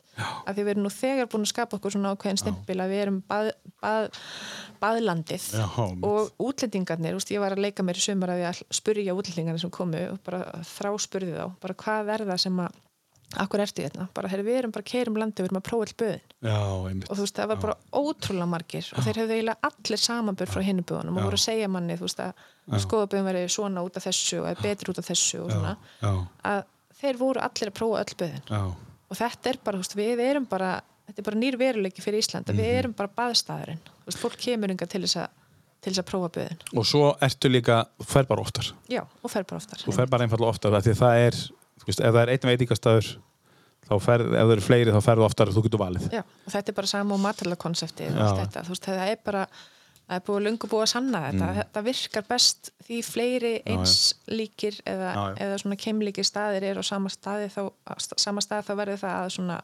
hugmynd í höfði fólks að fara frekar þangað. Og meðan þið tekja móti 65.200 manns hér með nýtt koncept og þá eru uh, böðin í Húsavík að stekka við sig, Ég meina, það þýðir bara aukin, það er meira að gera Já. þannig að það er bara frábært og hérna, til dæmis bara með tilkomu HM Mhm. um, það var bara meira að gera, hinn fundi ekki tverir í, það var bara meiri. Já, allir heldur þetta væri bara búið hjá allir, Já, skilur, það. HM kveimið, það er ekki þetta þannig er bara að stekka kökuna Þetta það er bara kökuna, alltaf þannig. Herru, hendum í lag og uh, Tinna, hvað er að taka næst? Herðu, tökum hana hérna Sunny Road. Já, Eh, já, Emilianu Torini er náttúrulega bara geggjað tónlistamæður hún er stundum svolítið veist, hún er ekki kannski búin að vera mjög sínileg þó hún sé alveg að gera tónlist en það eitthvað. Mhm. en hún er samt svo hún er svo hérna vannmetinn finnst mér af vísningum já, hún er geggjuð. Já, og ég man bara eftir henni sko síðan að ég var úlingur þú veist þá var maður með svona bara stjörnur í augunum yfir henni sko að því að hún Já. var í hárinu. hárinu og svo var henni hérna Já. heitir það ekki? Já, í, í hljónsundinni Já, Já, já, getur verið. spún. Spún, spún, spún, já. Og hérna og já, þannig ég bara, mér finnst hún svo Mhm. sturlaði tónlistamæður og hún hún er vannmyndin, þú veist, ég það. Björk á sínum tíma, herbyggi mitt sem úlingu að vegfóraði með Björk sko, Já. en Emilian Torini er náttúrulega bara hún er miklu frægari en við höldum og svo er hún bara miklu flottari en margir Já, ég meina, Emilien Torini er bara, maður er að horfa á einhvern þátt bara á Netflix og það er bara eitthvað lag með Já. Emilien Torini Já. það skilur þú veist. er bara geggjum Já, hlustum á þetta, Sunny Road. deserts on my horse. But jokes aside, I wanna come back home. I said I had to go. You said you'd meet me on the sunny road. It's time,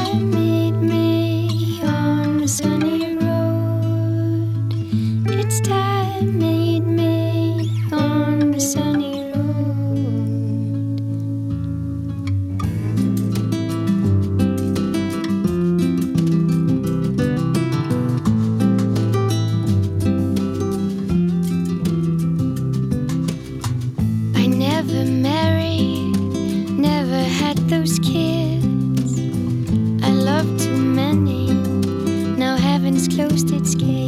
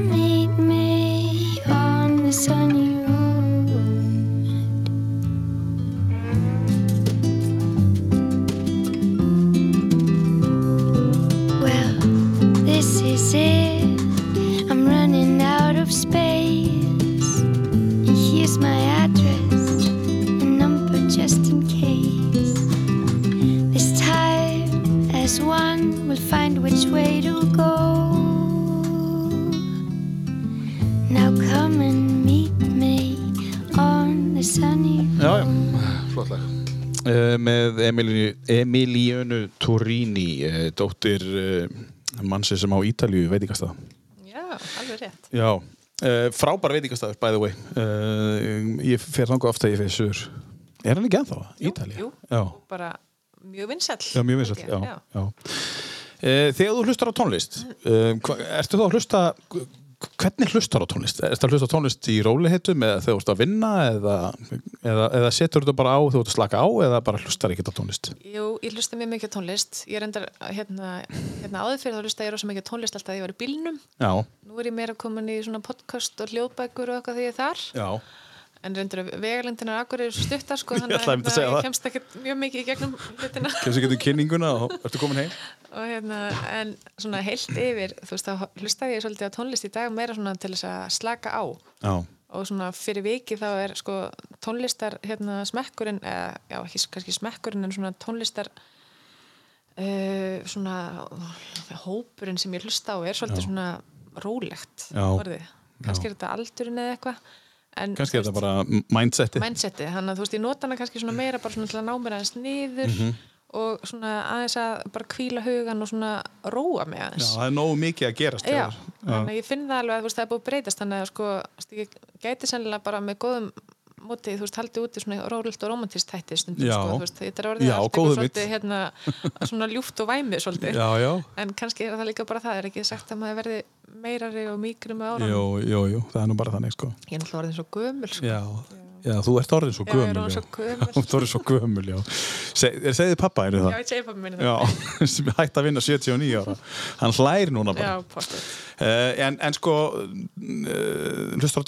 að vinna 79 ára. Hann hlær núna bara. Já, á mér finnst ég að skeggja það, sko. Já. Af því að, að Jamie Cullum er með hérna. Já, hérna, já, mér finnst jazz geggjaður og Já. þú veist bara, og svona, þú veist bara káká og þú veist þess áttar tónlist er geggjuð en svona, já, mér finnst jazz mjög skemmtileg tónlist. Já, Og-. Gamla daga var ég sko svona acid jazz uh, Já. fan. Já, já, Mér fannst geggjaður Já. acid jazz í gamla daga. Smá undir og- svona Já. pínu Já, já. En já, þessi segi, mér finnst, þú veist, tónlistin sem ég lusta þetta er svolítið svona annarkvort ljúf með einhverju svona, hérna, þægilegu ívafi eða svona pínu svona, Mhm. svona eitthvað svona sem kætir mann svolítið, svona smá, smá svona einmitt bít og svona gleði. En nú líður að jólum, ertu jólabann? Já, ég Já. er jólabann. Ég er alveg svona, já, ég held ég sé alveg svona vandræðilega mikið jólabann. og svona, þú veist, tilfinningarlega sé að ég er rosalega mikið jólabann. já, hefðir Já, en ég er samt líka, þú veist, þegar maður er búin að, veist, skilja, Já. eða veist, bara svona fara kannski á milli, hérna, Mhm. þú veist, bæði heimila og, hérna, veist, flytja nokkur sinnum og milli landslita og svo er maður bara, nýju sambandi og eitthvað svona, Mhm. sko, þá, hérna, þá svona, já, það verður svolítið til þess að maður er svona, veist, er alltaf að búa til nýjar hefðir Mhm. og þær eru kannski, kannski fyrir vikið ekki einn sterkar akkurat núna því að maður er ekki búin að þær þúsund ár Já, en, og svo, þú veist, ég, meni, ég hef prófað það, veist, fyrstu jóli mín eftir að ég skildi á sinn tíma með án barnana, þú veist, þá fór ég bara og var sjálfbúðliði í hjálpræðishernum já, og, þú veist, var þar bara þjónusta heimilislausum um jólin og mér varst það, sko, já, veist, er það? það voru eiginlega bara geggjuðustu jól sem ég hef upplifað, Já, bara með fullir virðingu fyrir öllum jólunum hjá ykkur, elsku mamma og pappi, sko, ennum árin, en hérna, Er þetta tala um bara aðfokkadaga? já, bara Já. aðfangadag, þú veist, þarna var ég bara fyrstu sinn án barnana einu og sagði bara, ég er ekki að fara að sita, þú veist, eiginlega svona með tárin í ögunum, Nei. með pappa að vera ein, ég ætla Já, bara hérna, einmitt. fara að gera eitthvað allt annað. Vá. ég fór bara, var þar með bara 30, eh, já, næstu 40 heimilisleisum eða svona fólki sem áttum sárt að binda á veitingastanni í bæ og þetta voru svo geggju jól. Já, gekkja og mér er svo oft langað til að gera þetta aftur og ég mun klálega að gera það því að Já. þarna bara svona veist, um þetta nákvæmlega snúast jólin sko. þannig að þetta Akkurat. svona breytta aðeins sín minni á jólin líka sko. Þarna færið bara sprautuna beint í Já. að þetta er jólin Já, og bara þú veist, vera góðu við náungan Já. og svona stærð gafana skiptir engum máli og þetta bara svona bara gefa þeim að borða já, bara matur já, já, bara eitthvað sem að þau hefði ekkert endilega fengið Nei. í marga, marga dag og ég bel sko mánuði og hvað þú svona Já, góðan mat og þakklætið alveg Já, endalust já, sko. og Já. bara og líka bara þarna, veist, þá bara upplýðum maður svo mikið að þetta er allt saman bara svo dásanlegt fólk, Já, sko. Og þú veist, meðan að flesti taka sveig fram hjá heimilslösum í dag, sko, Já. þá langar mig bara að knúsa sko, já, eftir þetta, einmitt, já, akkurat. Já, En þetta þannig kenn, enn og aftur, eitthvað sem kennir þér. já, þú ert þannig að- að læra. þannig, já, einmitt, þannig að jólin þú veist, þau meiga líka vera alls konar. Og þarna, Já. þú eh, þú veist maður þarf heldur ekki að hérna, festa sig í því að vera endalust í einhverjum hefðum. Nei, það er líka alveg hættulegt, Já, þá ertu já. kannski bara að missa einhverju ennþá betri upplifun já, já, einmitt og veist, og Má ekki akkurat- gera neitt. nei, og eins og þetta, veist, ég mann þegar ég var alveg upp þá var alltaf bara matur klukka 6 og þá voru allir tilbúinir, komnir að borðinu klukka 6 Já, já. og stundum, þú veist, kom það upp að mamma, þú veist, var ekki eins og komin í jólafötin þegar hún settist í borðið, en þá var það meira mála að við byrjum að borða klukkan 6 já, heldur hann að að mamma, veist, bara fengi að fara í jólafötin sína því að hún var búin að standa í eldur sem henni ströngu, sko. Hver hefur ekki upplifað þetta með mömmu sína? einmitt, þannig að veist, þarna er maður bara svona Já. býtið, hvaða máli skiptið áttu að byrja, má mamma ekki bara klæða sig? Mhm, og þú veist, má, með ekki bara allir verið eins og þeir vilja og getum við ekki bara haf, byrja að borða klukkan átta? Og má pappi ekki bara stundum elda? Og má pappi ekki bara, ég hef er veist, æskilur þegar maður er Já, að, maður er að festa sig í hefðunum hefðana vegna Mhm. það er eitthvað svo skakt já, ég er algjörlega sammála já, Þannig að- þetta, þetta er mjög góða punktur þannig ég held að sko já, svona hæfilegt magna hefðum Já. og bara, þú veist, að skapa góða stemningu, þú veist, það Já. er það eru kannski bara svolítið jólin, sko hvernig var jólin ykkar núna?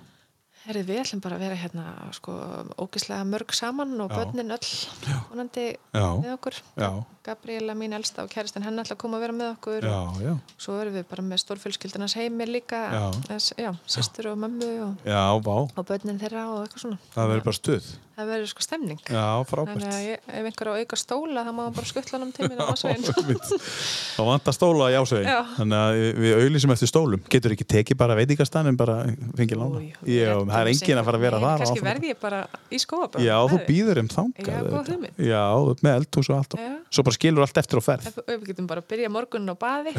En það er enda Vá, eitthvað sem við ætlum að gera er Það verður opið í hérna, skoðaböðunum og aðfangadag þannig að Já. vonandi, þú veist, bara býr fólk til einmitt hefð já, hvað ætli, Því. hvað ætli að opið lengi? 11 til 3 Já. Mhm. þannig að fólk getur búið til hefð að fara í skoðaböðun og aðfangadag. Skemmtilegt. Já, mér finnst það skemmtileg pæling. já. hvað er opið lengi á kvöldin? ég glemt að spyrja á hann til miðnættis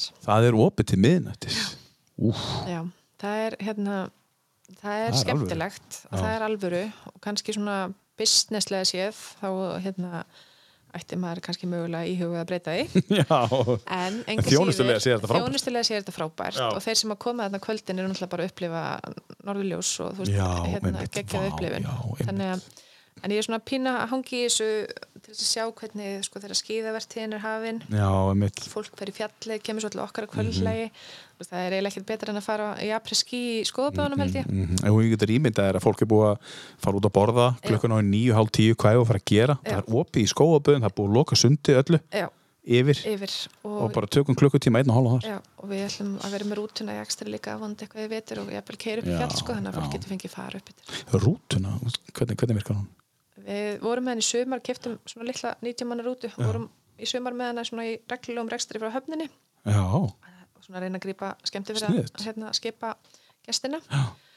og næsta sumar ætlum við bara og í vondi vetur, eitthvað, Já. jafnvel keirum bæinn á Sækja. einhverju sækja bara upp í fjall jafnvel og, og hérna og næsta sumar verðum við með hann í einhverjum ákunnum akstri, þú veist, einhverja daga tvekja tíma fresti ég elska svona einfaldar hugmyndir. Já. Bara, þetta, er svo, svo einfalt, Já. þetta er svo opbóstlega gott. Já, og að því að þú veist við erum staðsett hérna, þú veist, þá er það bara starf, staðsetningarnar vegna, Já. þá er svona þú veist, það er ekstra næs að geta fengið fritt far og skutliði heim aftur. Já, það er þá veist, við vorum í sömu bara með tvekja tíma fresti frá hofi Já. og til okkar og tilbaka þannig okkar fengið fram og tilbaka. Ég meina því að þið bjóðu upp á arbát og það er þetta að fá sér einn öll eða tvo. Já, og þú vilt, já, fjóra. Og vilt ekki alltaf endi einhverju leigubiljóru þarna þetta er algjör snilt, frábær þjónusta. Já.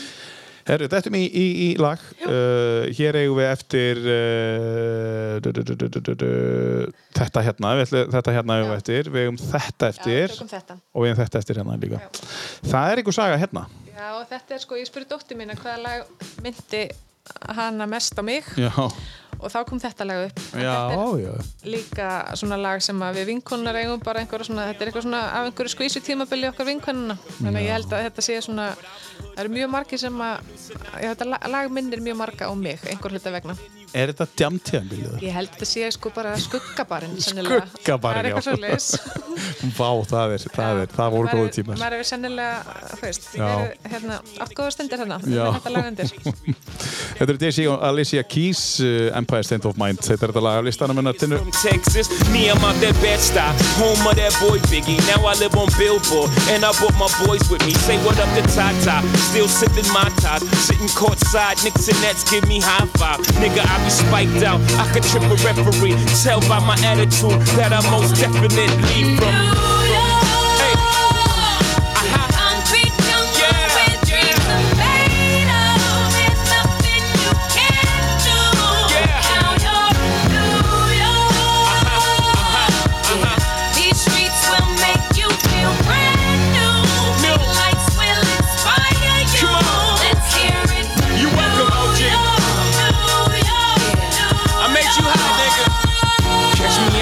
The with OG at a Yankee game. Shit, I made the Yankee hat more famous than a Yankee can. You should know I bleed blue, but I ain't a crypto. But I got a gang of niggas walking with my click though. Welcome to the melting pot. Corners where we selling rock. Africa been by the shit. Home of the hip hop. Yellow cap, gypsy cap, dollar cap, holla back. For foreigners, it ain't fair. They act like they forgot how to act. Eight million stories out there in the naked city. It's a pity half of y'all won't make it. Me, I got a plug special ed, I got it made. If Jesus paying LeBron, I'm paying Dwayne Wade. Three dice CeeLo, three card Marley. Labor Day parade, rest in peace Bob Marley. Statue of Liberty, long live the World Trade, long live the King, yo. I'm from the Empire State. That's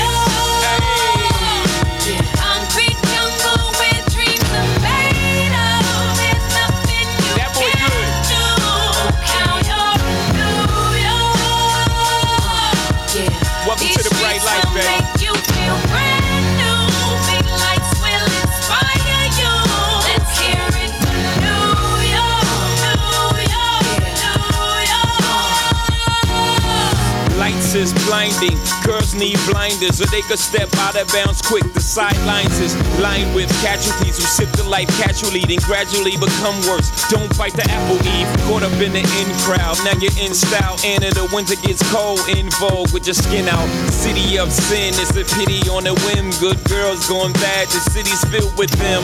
Mommy took a bus trip, now she got a bust out. Everybody ride her, just like a bus route. Hail Mary to the city, you're a virgin. And Jesus can't save you, life starts when the church in. Came here for school, graduated to the highlight. Ball players, rap stars, addicted to the limelight. Empty and May got you feeling like a champion. The city never sleeps, better slip you an ambient.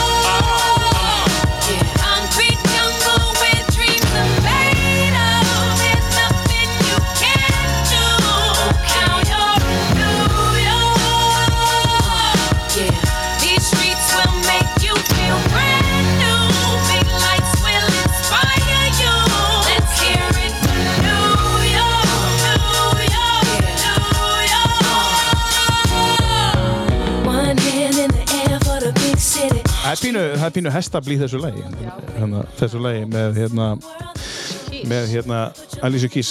Hún semur þetta held ég og, og fekk þetta Jay-Z með sér. Ég held að þetta sé rétt hjá mér.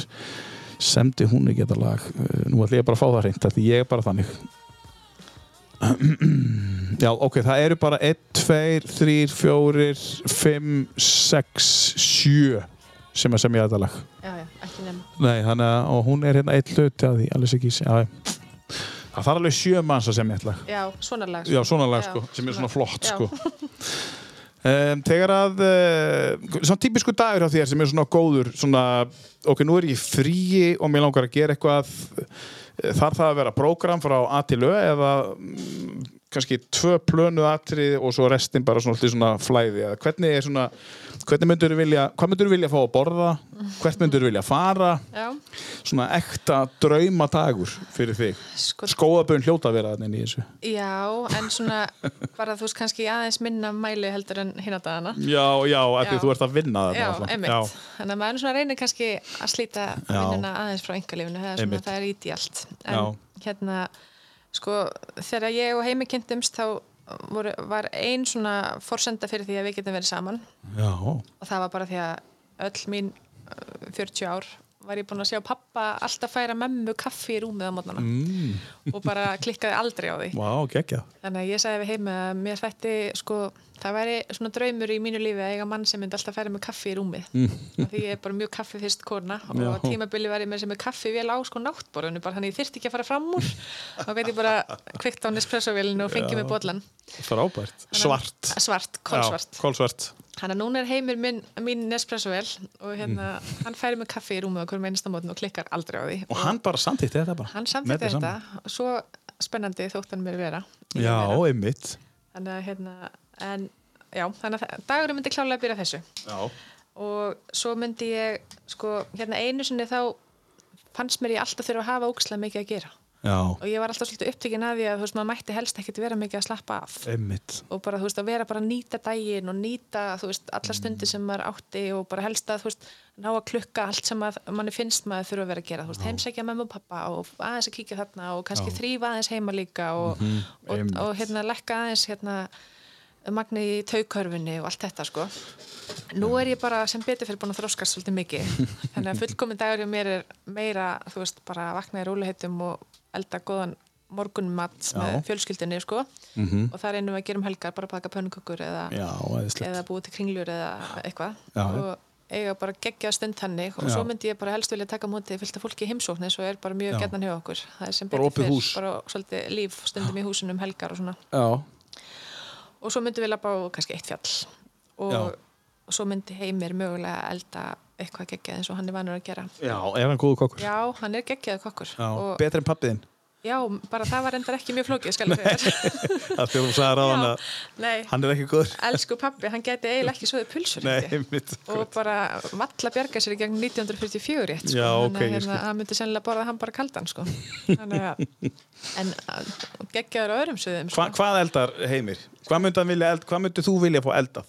Heyrðu, hann nefnilega er ansi góður í svo mörgu sko, Já. en hann myndi örgulega hérna, hann er svona frægur fyrir rækjutakkoðu sitt, sko, hann gerir bara eitthvað óksla gott svo leiðis, en svo er hann bara góður í að elda hvað sem er, hann, hann hérna, það er eiginlega bara allt gott sem hann gerir. Þannig að ég er með pínu matar á stáðunum Já. en ég er sjálf bara mjög fýtt kokkur líka þannig að þetta er svona pínu við eigum stundum sko ég held að fari stundum pínu töðan á hann hversu góð ég sé í eldhúsinu. Já, hann vera, hann hefur bara, held ég svona hingað til verið vanur því að, að því að vera fá að vera þar að vera þar sko Er slegist um eldhúsið? Nei, Nei. ég er mjög undir hérna gefin þegar kemur að þessu í Ok, dag sko. Mér finnst ok. það bara geggja að láta hérna, stjana í kringum mig og hann er mjög góður í því. En, Ég heyri það. Já, en hérna, þannig að þetta væri svona ideal dagur fyrir mig Já, og ég er alveg hægt að, hérna, ég er fann að læra það að bara leifa fólki að stjana í kringum mig Já, og því ég hef ekkert verið góðið hinga til.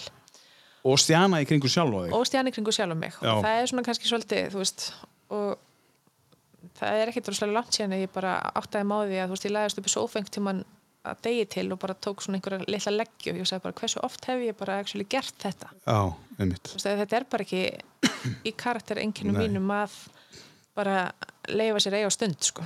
Nei, þú veist maður bara er alltaf einhvern veginn að, alltaf að Og hva, hvað gerir það fyrir þig? Núna, þú ert bara að taka þessa bara leggju. dásamlegt. Og veist, bara aðeins að kvíla hugan og bara Já. leggist og setja lappar upp í loft sko. og þú veist, þetta er svona svolítið kannski líka sama maður upplið þegar maður lappar fjöll og Já, að maður fær svona einhverja pínu svona hugar og svona hreinsar aðeins hugan en er að reyfa sig líka í leiðinu svona. Stundar er núvitund einhverjar. já, ég reyna að gera það. Já. en eins og ég segi, þú veist, hinga til hefur maður bara svolítið svona verið að þjósnast í gegnum lífið og, og verið með allt og mikið á sinni könnu. Þannig að var rosa duglega fyrir jóka og svona já, já.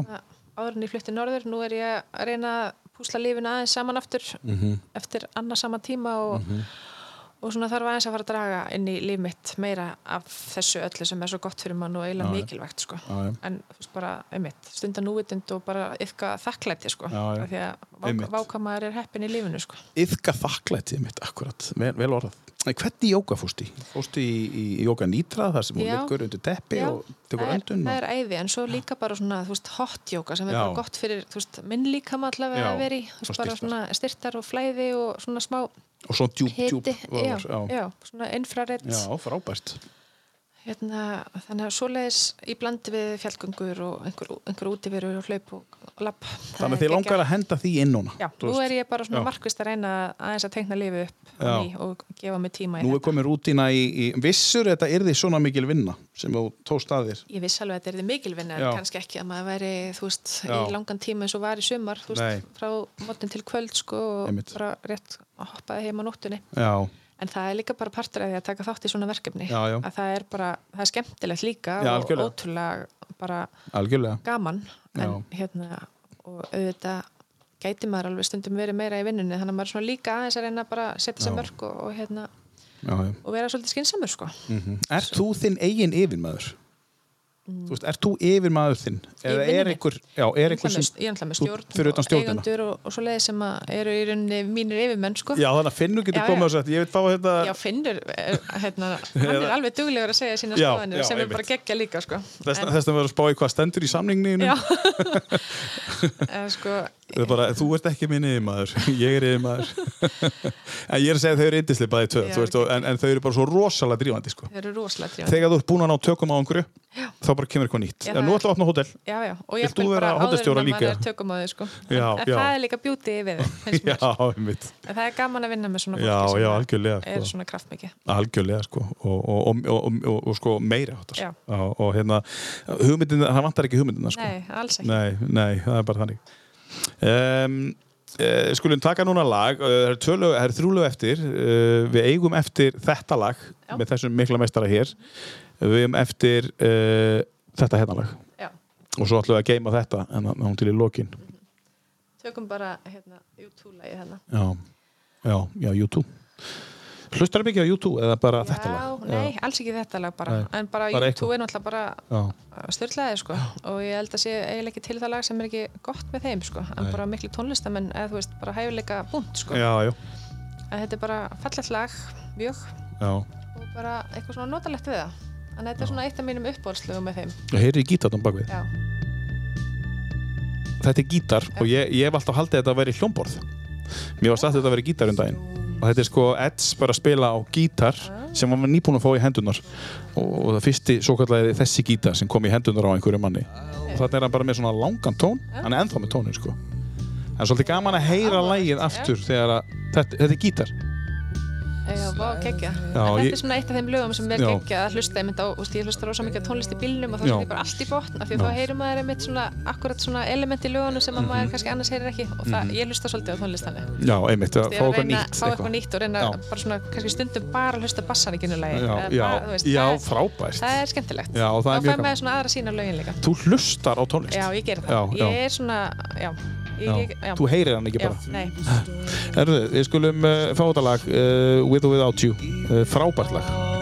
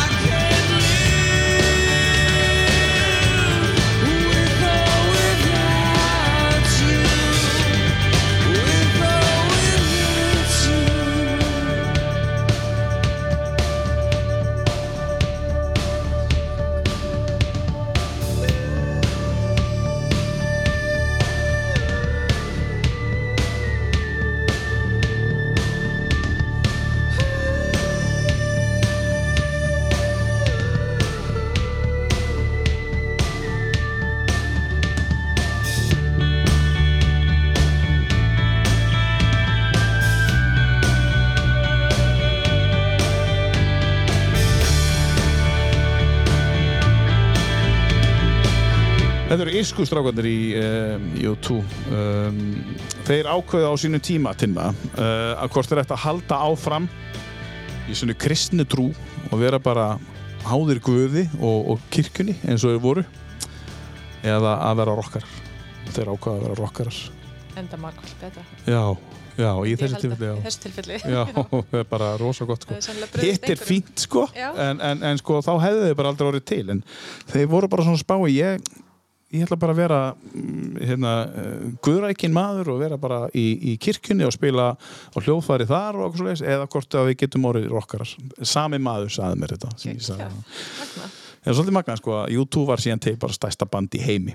Um, þegar þú settir þessi lög saman, það eru tölu eftir, þegar þú settir þessi tíu lög saman, um, sérðu eitthvað að núna að bara, ó ég hefði átt að vera með eitthvað lag eða er þetta bara listin eins og, þú veist, þú, þú bakkar ekkert með hann, þetta er bara, þetta, er, þetta eru þín lög. Nei, alls ekki, þetta eru alls ekkert mín lög Nei, en jú, eitt hérna, síðasta sem við ætlum að spila. Síðasta er enda rosa mikið ég Já, þetta hérna. En þetta er samt svona kannski meira bara svona einhver lög sem að tengjast einhverjum svona Já. tímabilum, eitthvað svona, þú veist, þetta er all lög sem að ég hef hlusta helling á, en Já, já.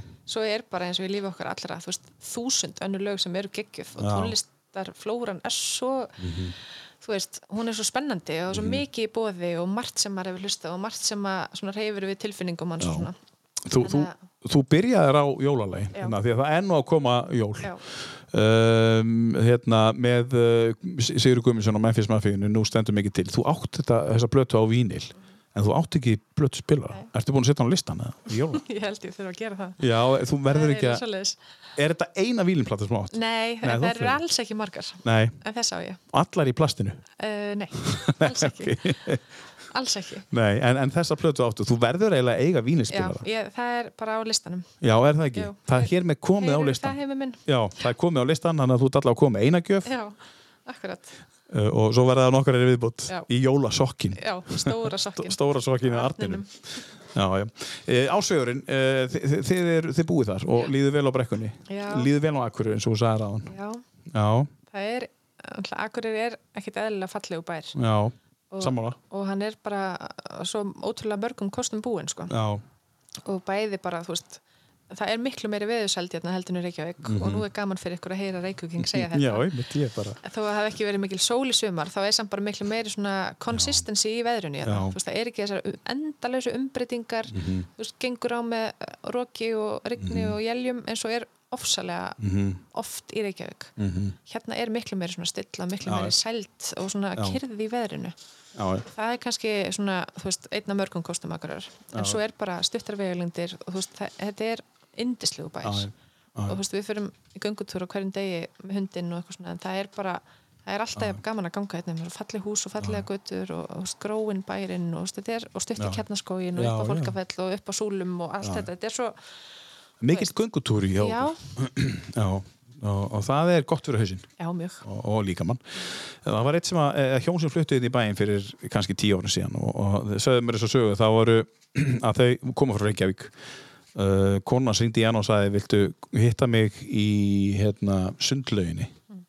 Já, uh, ég hitti þig klukkan eitt í sundlauginni. Ég þarf bara að ná í börnin, ég þarf að fara í netto þannig að hann fór og sótti börnin klukkan uh, hvort það verið hálf tólf uh, og, og sótti börnin fór í netto og hann var bara komin sko korteri setna upp í sundlaug.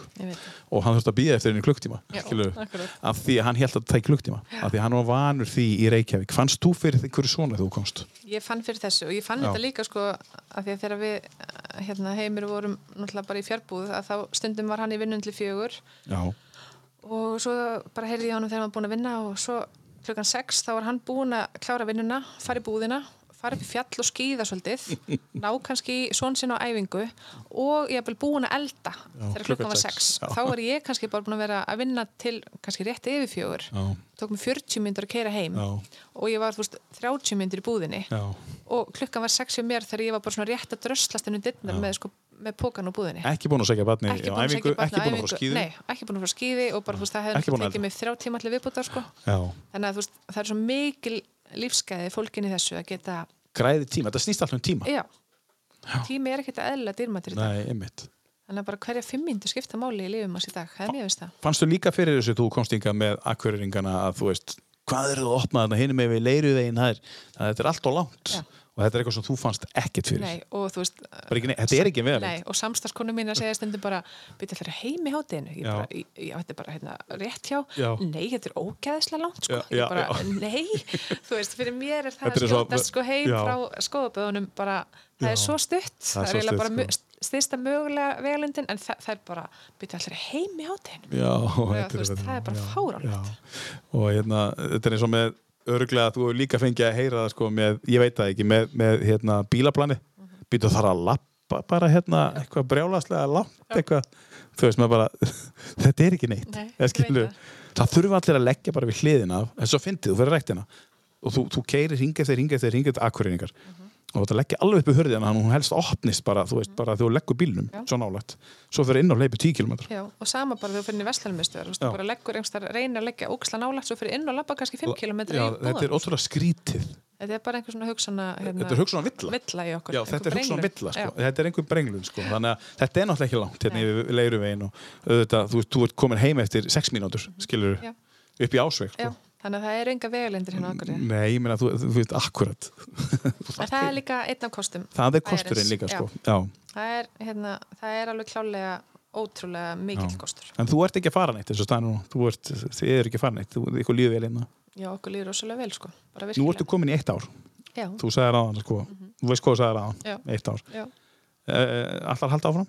já, já. Já, já, Þannig að já, já, þetta er allavega bara komið vel á veg og, og Mhm. hérna bara búið ganga ótrúlega vel sko já. En Frá því þú bara- skrifaður undir, sko Já, en svo bara eins og maður segir, þú veist, maður veit aldrei Nei, hver Það er á að geta teikna efi sinni upp, sko. Nei, alls ekki, sko Það er ennþá, þó ég hef sagt á hann ég var hún gömul, þá var ég ennþá ung. Já, þú ert ekki alveg búin að ákvæða hvað þú ætlar að gera út á hann stór Nei, ég var svo margt eftir. eins og, sko. svo margir sem að koma eða bara, Já.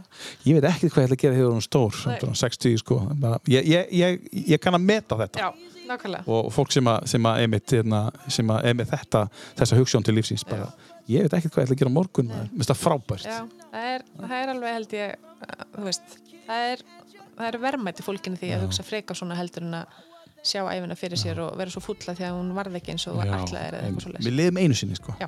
og ég menna þú veist, við viljum líka ringi þetta fólk og spyrja, viltu koma með mér eitthvað? Þú veist, það er, það er, það er gaman að ringi svona fólk. Já, já það verður að vera spontant. Bæði bara, þú veist, í daglegu lífi en líka bara svona í stóru myndinni. algjörlega.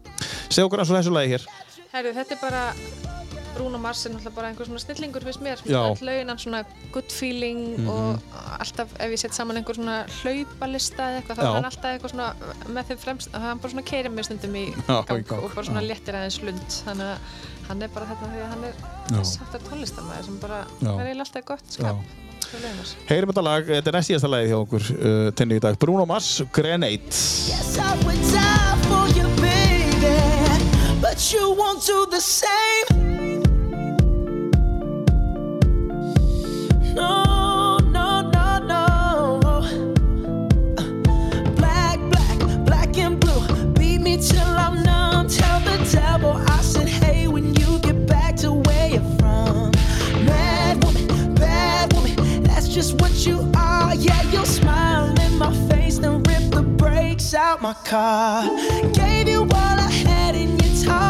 it in the trash. Tossed it in the trash, yes, you did.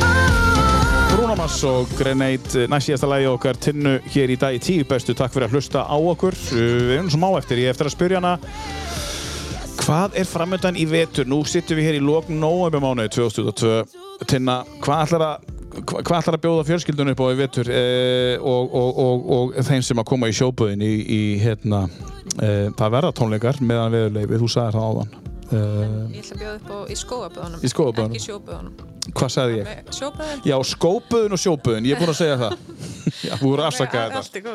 Þetta er bara svo mikið sem fyrir fram í Já, hausnum á mér einu Skóarböðin, Já.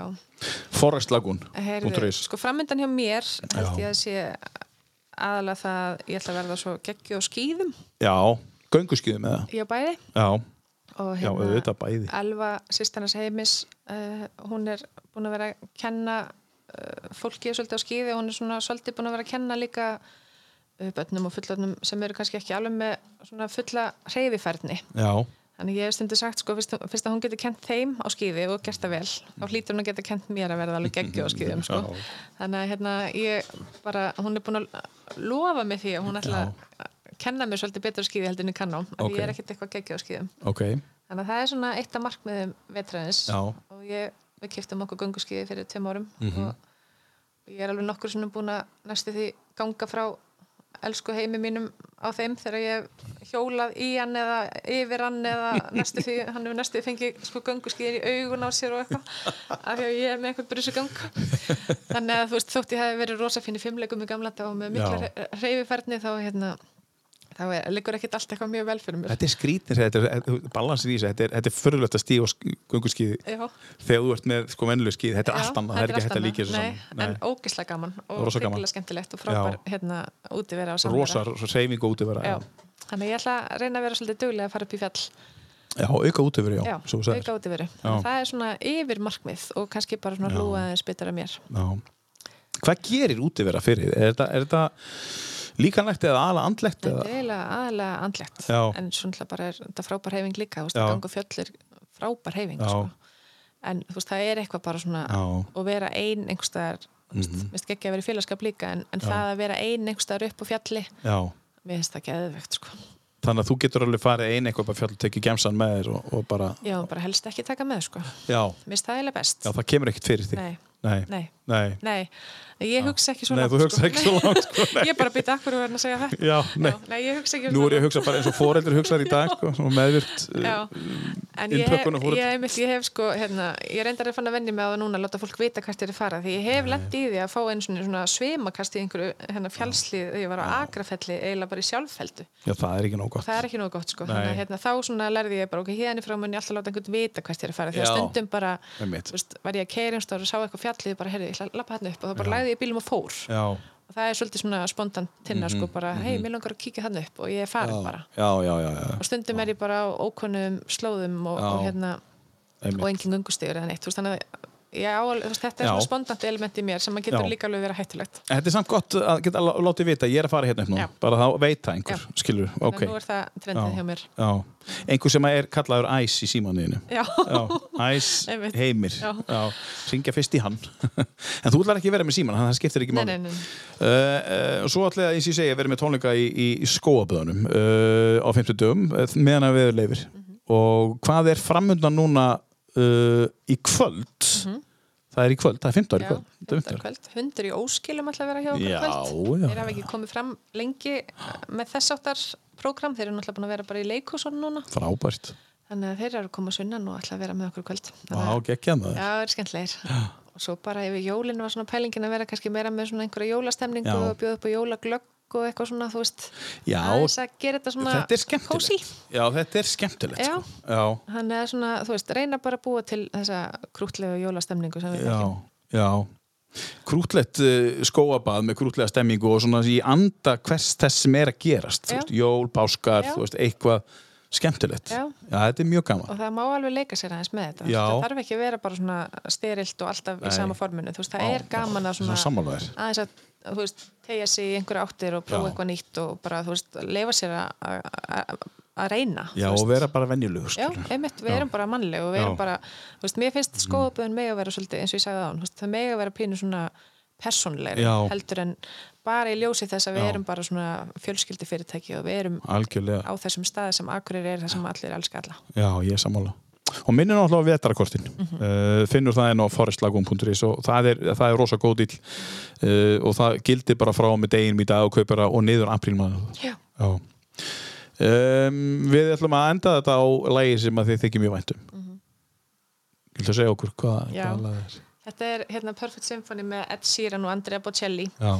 Ed Sheeran er náttúrulega bara einn af mínum uppáhalds tónlistamönnum og ég er búin að fara tónleika með honum og, og, og hann á náttúrulega bara ógrinni af lögum og hann er ekkert Mhm. eðlilega hefileikar ykkur og svona næs gaur einhvern veginn Já. hann er svo eðlilegur og laus við alla stæla Já, og einmitt. sjúkusöngvari og bara geggjaður tónlistamæður en hann er náttúrulega búin að vera að fá svona einhverja tónlistamenn til að syngja með sér Mhm. lög Mhm. og meðal annars Beyoncé og, og, og þennan Þetta lag þá. þetta lag er náttúrulega ekkert eðlilega fallegt og, og það, ég veit ekki hvort þú hefur sér myndbandið með- við þetta lag þar sem hann fer heim til Andrea Bocelli og hann er náttúrulega bara einhverju svona dásamlega fallega konu og Já. þau eiga tvo sinni og þeir eru hérna með þeim Já. og það er svo, þetta er svo fallegt myndband Já, já, ég þarf að kíkja svona það. falleg fjölskylda og, og eitthvað svona svo mikið virðing á milli Já. er allra að þú bara skinjar það í myndbandinu þannig að fyrir þær sækir er þetta svona eitt af Mhm. mínum bara Mhm. og sérstaklega eftir að ég opna sér myndbandi þá er eitthvað svona, það er eitthvað svo fallegt við það Og textin náttúrulega, eins og þannig að- Greip þig. mjúka tinna hérna, Alveg alveg.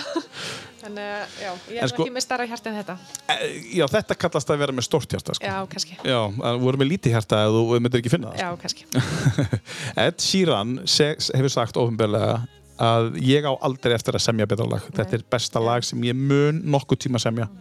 Að hann, hann þykir það væntu það. Og ég held að það sé rétt hjá hann. já, þetta er Þetta, er náður náttúrulega heimsbyðinni uh, og við þekkjum þetta öll að sjálfsög. Hérna er Andrea Boselli með honum. Uh, Tinna Jóhansdóttir, takk fyrir að koma. Tíu. Búið að vera frábært að hafa því. Og gangið vel í öllu þínu og, uh, og hérna með skóðaböðun og, og heimi og, og, og fjölskylduna og allt saman. Ég veit að það er ekkert að heimi sko, en Nei, bara þetta er var bara smá grín. erfið, erfiðasta viðfóðsefni Nei. Uh, takk hérlega fyrir að koma. Og hérna, uh, kæri hlustandi, takk fyrir að hlusta á tíu bestu. Við þökkum að sjálfsögðu kostendunum fyrir sem er Norður Akureyri Vikings Tattoo uh, í Brekkugötunni Valhalla Design þið finnir það á Facebook uh, ef þið viljið fá bólstrun á mjög góðu verði uh, besta verðin á Íslandi og frábara þjónustu. Studio R57, r57.is uh, ef þið viljið finna jólagjöfina í ár uh, og styrkja blindra félagið á sama tíma. Akureyri.net, uh, Skafti og Kó, takk fyrir og Ölgerðin.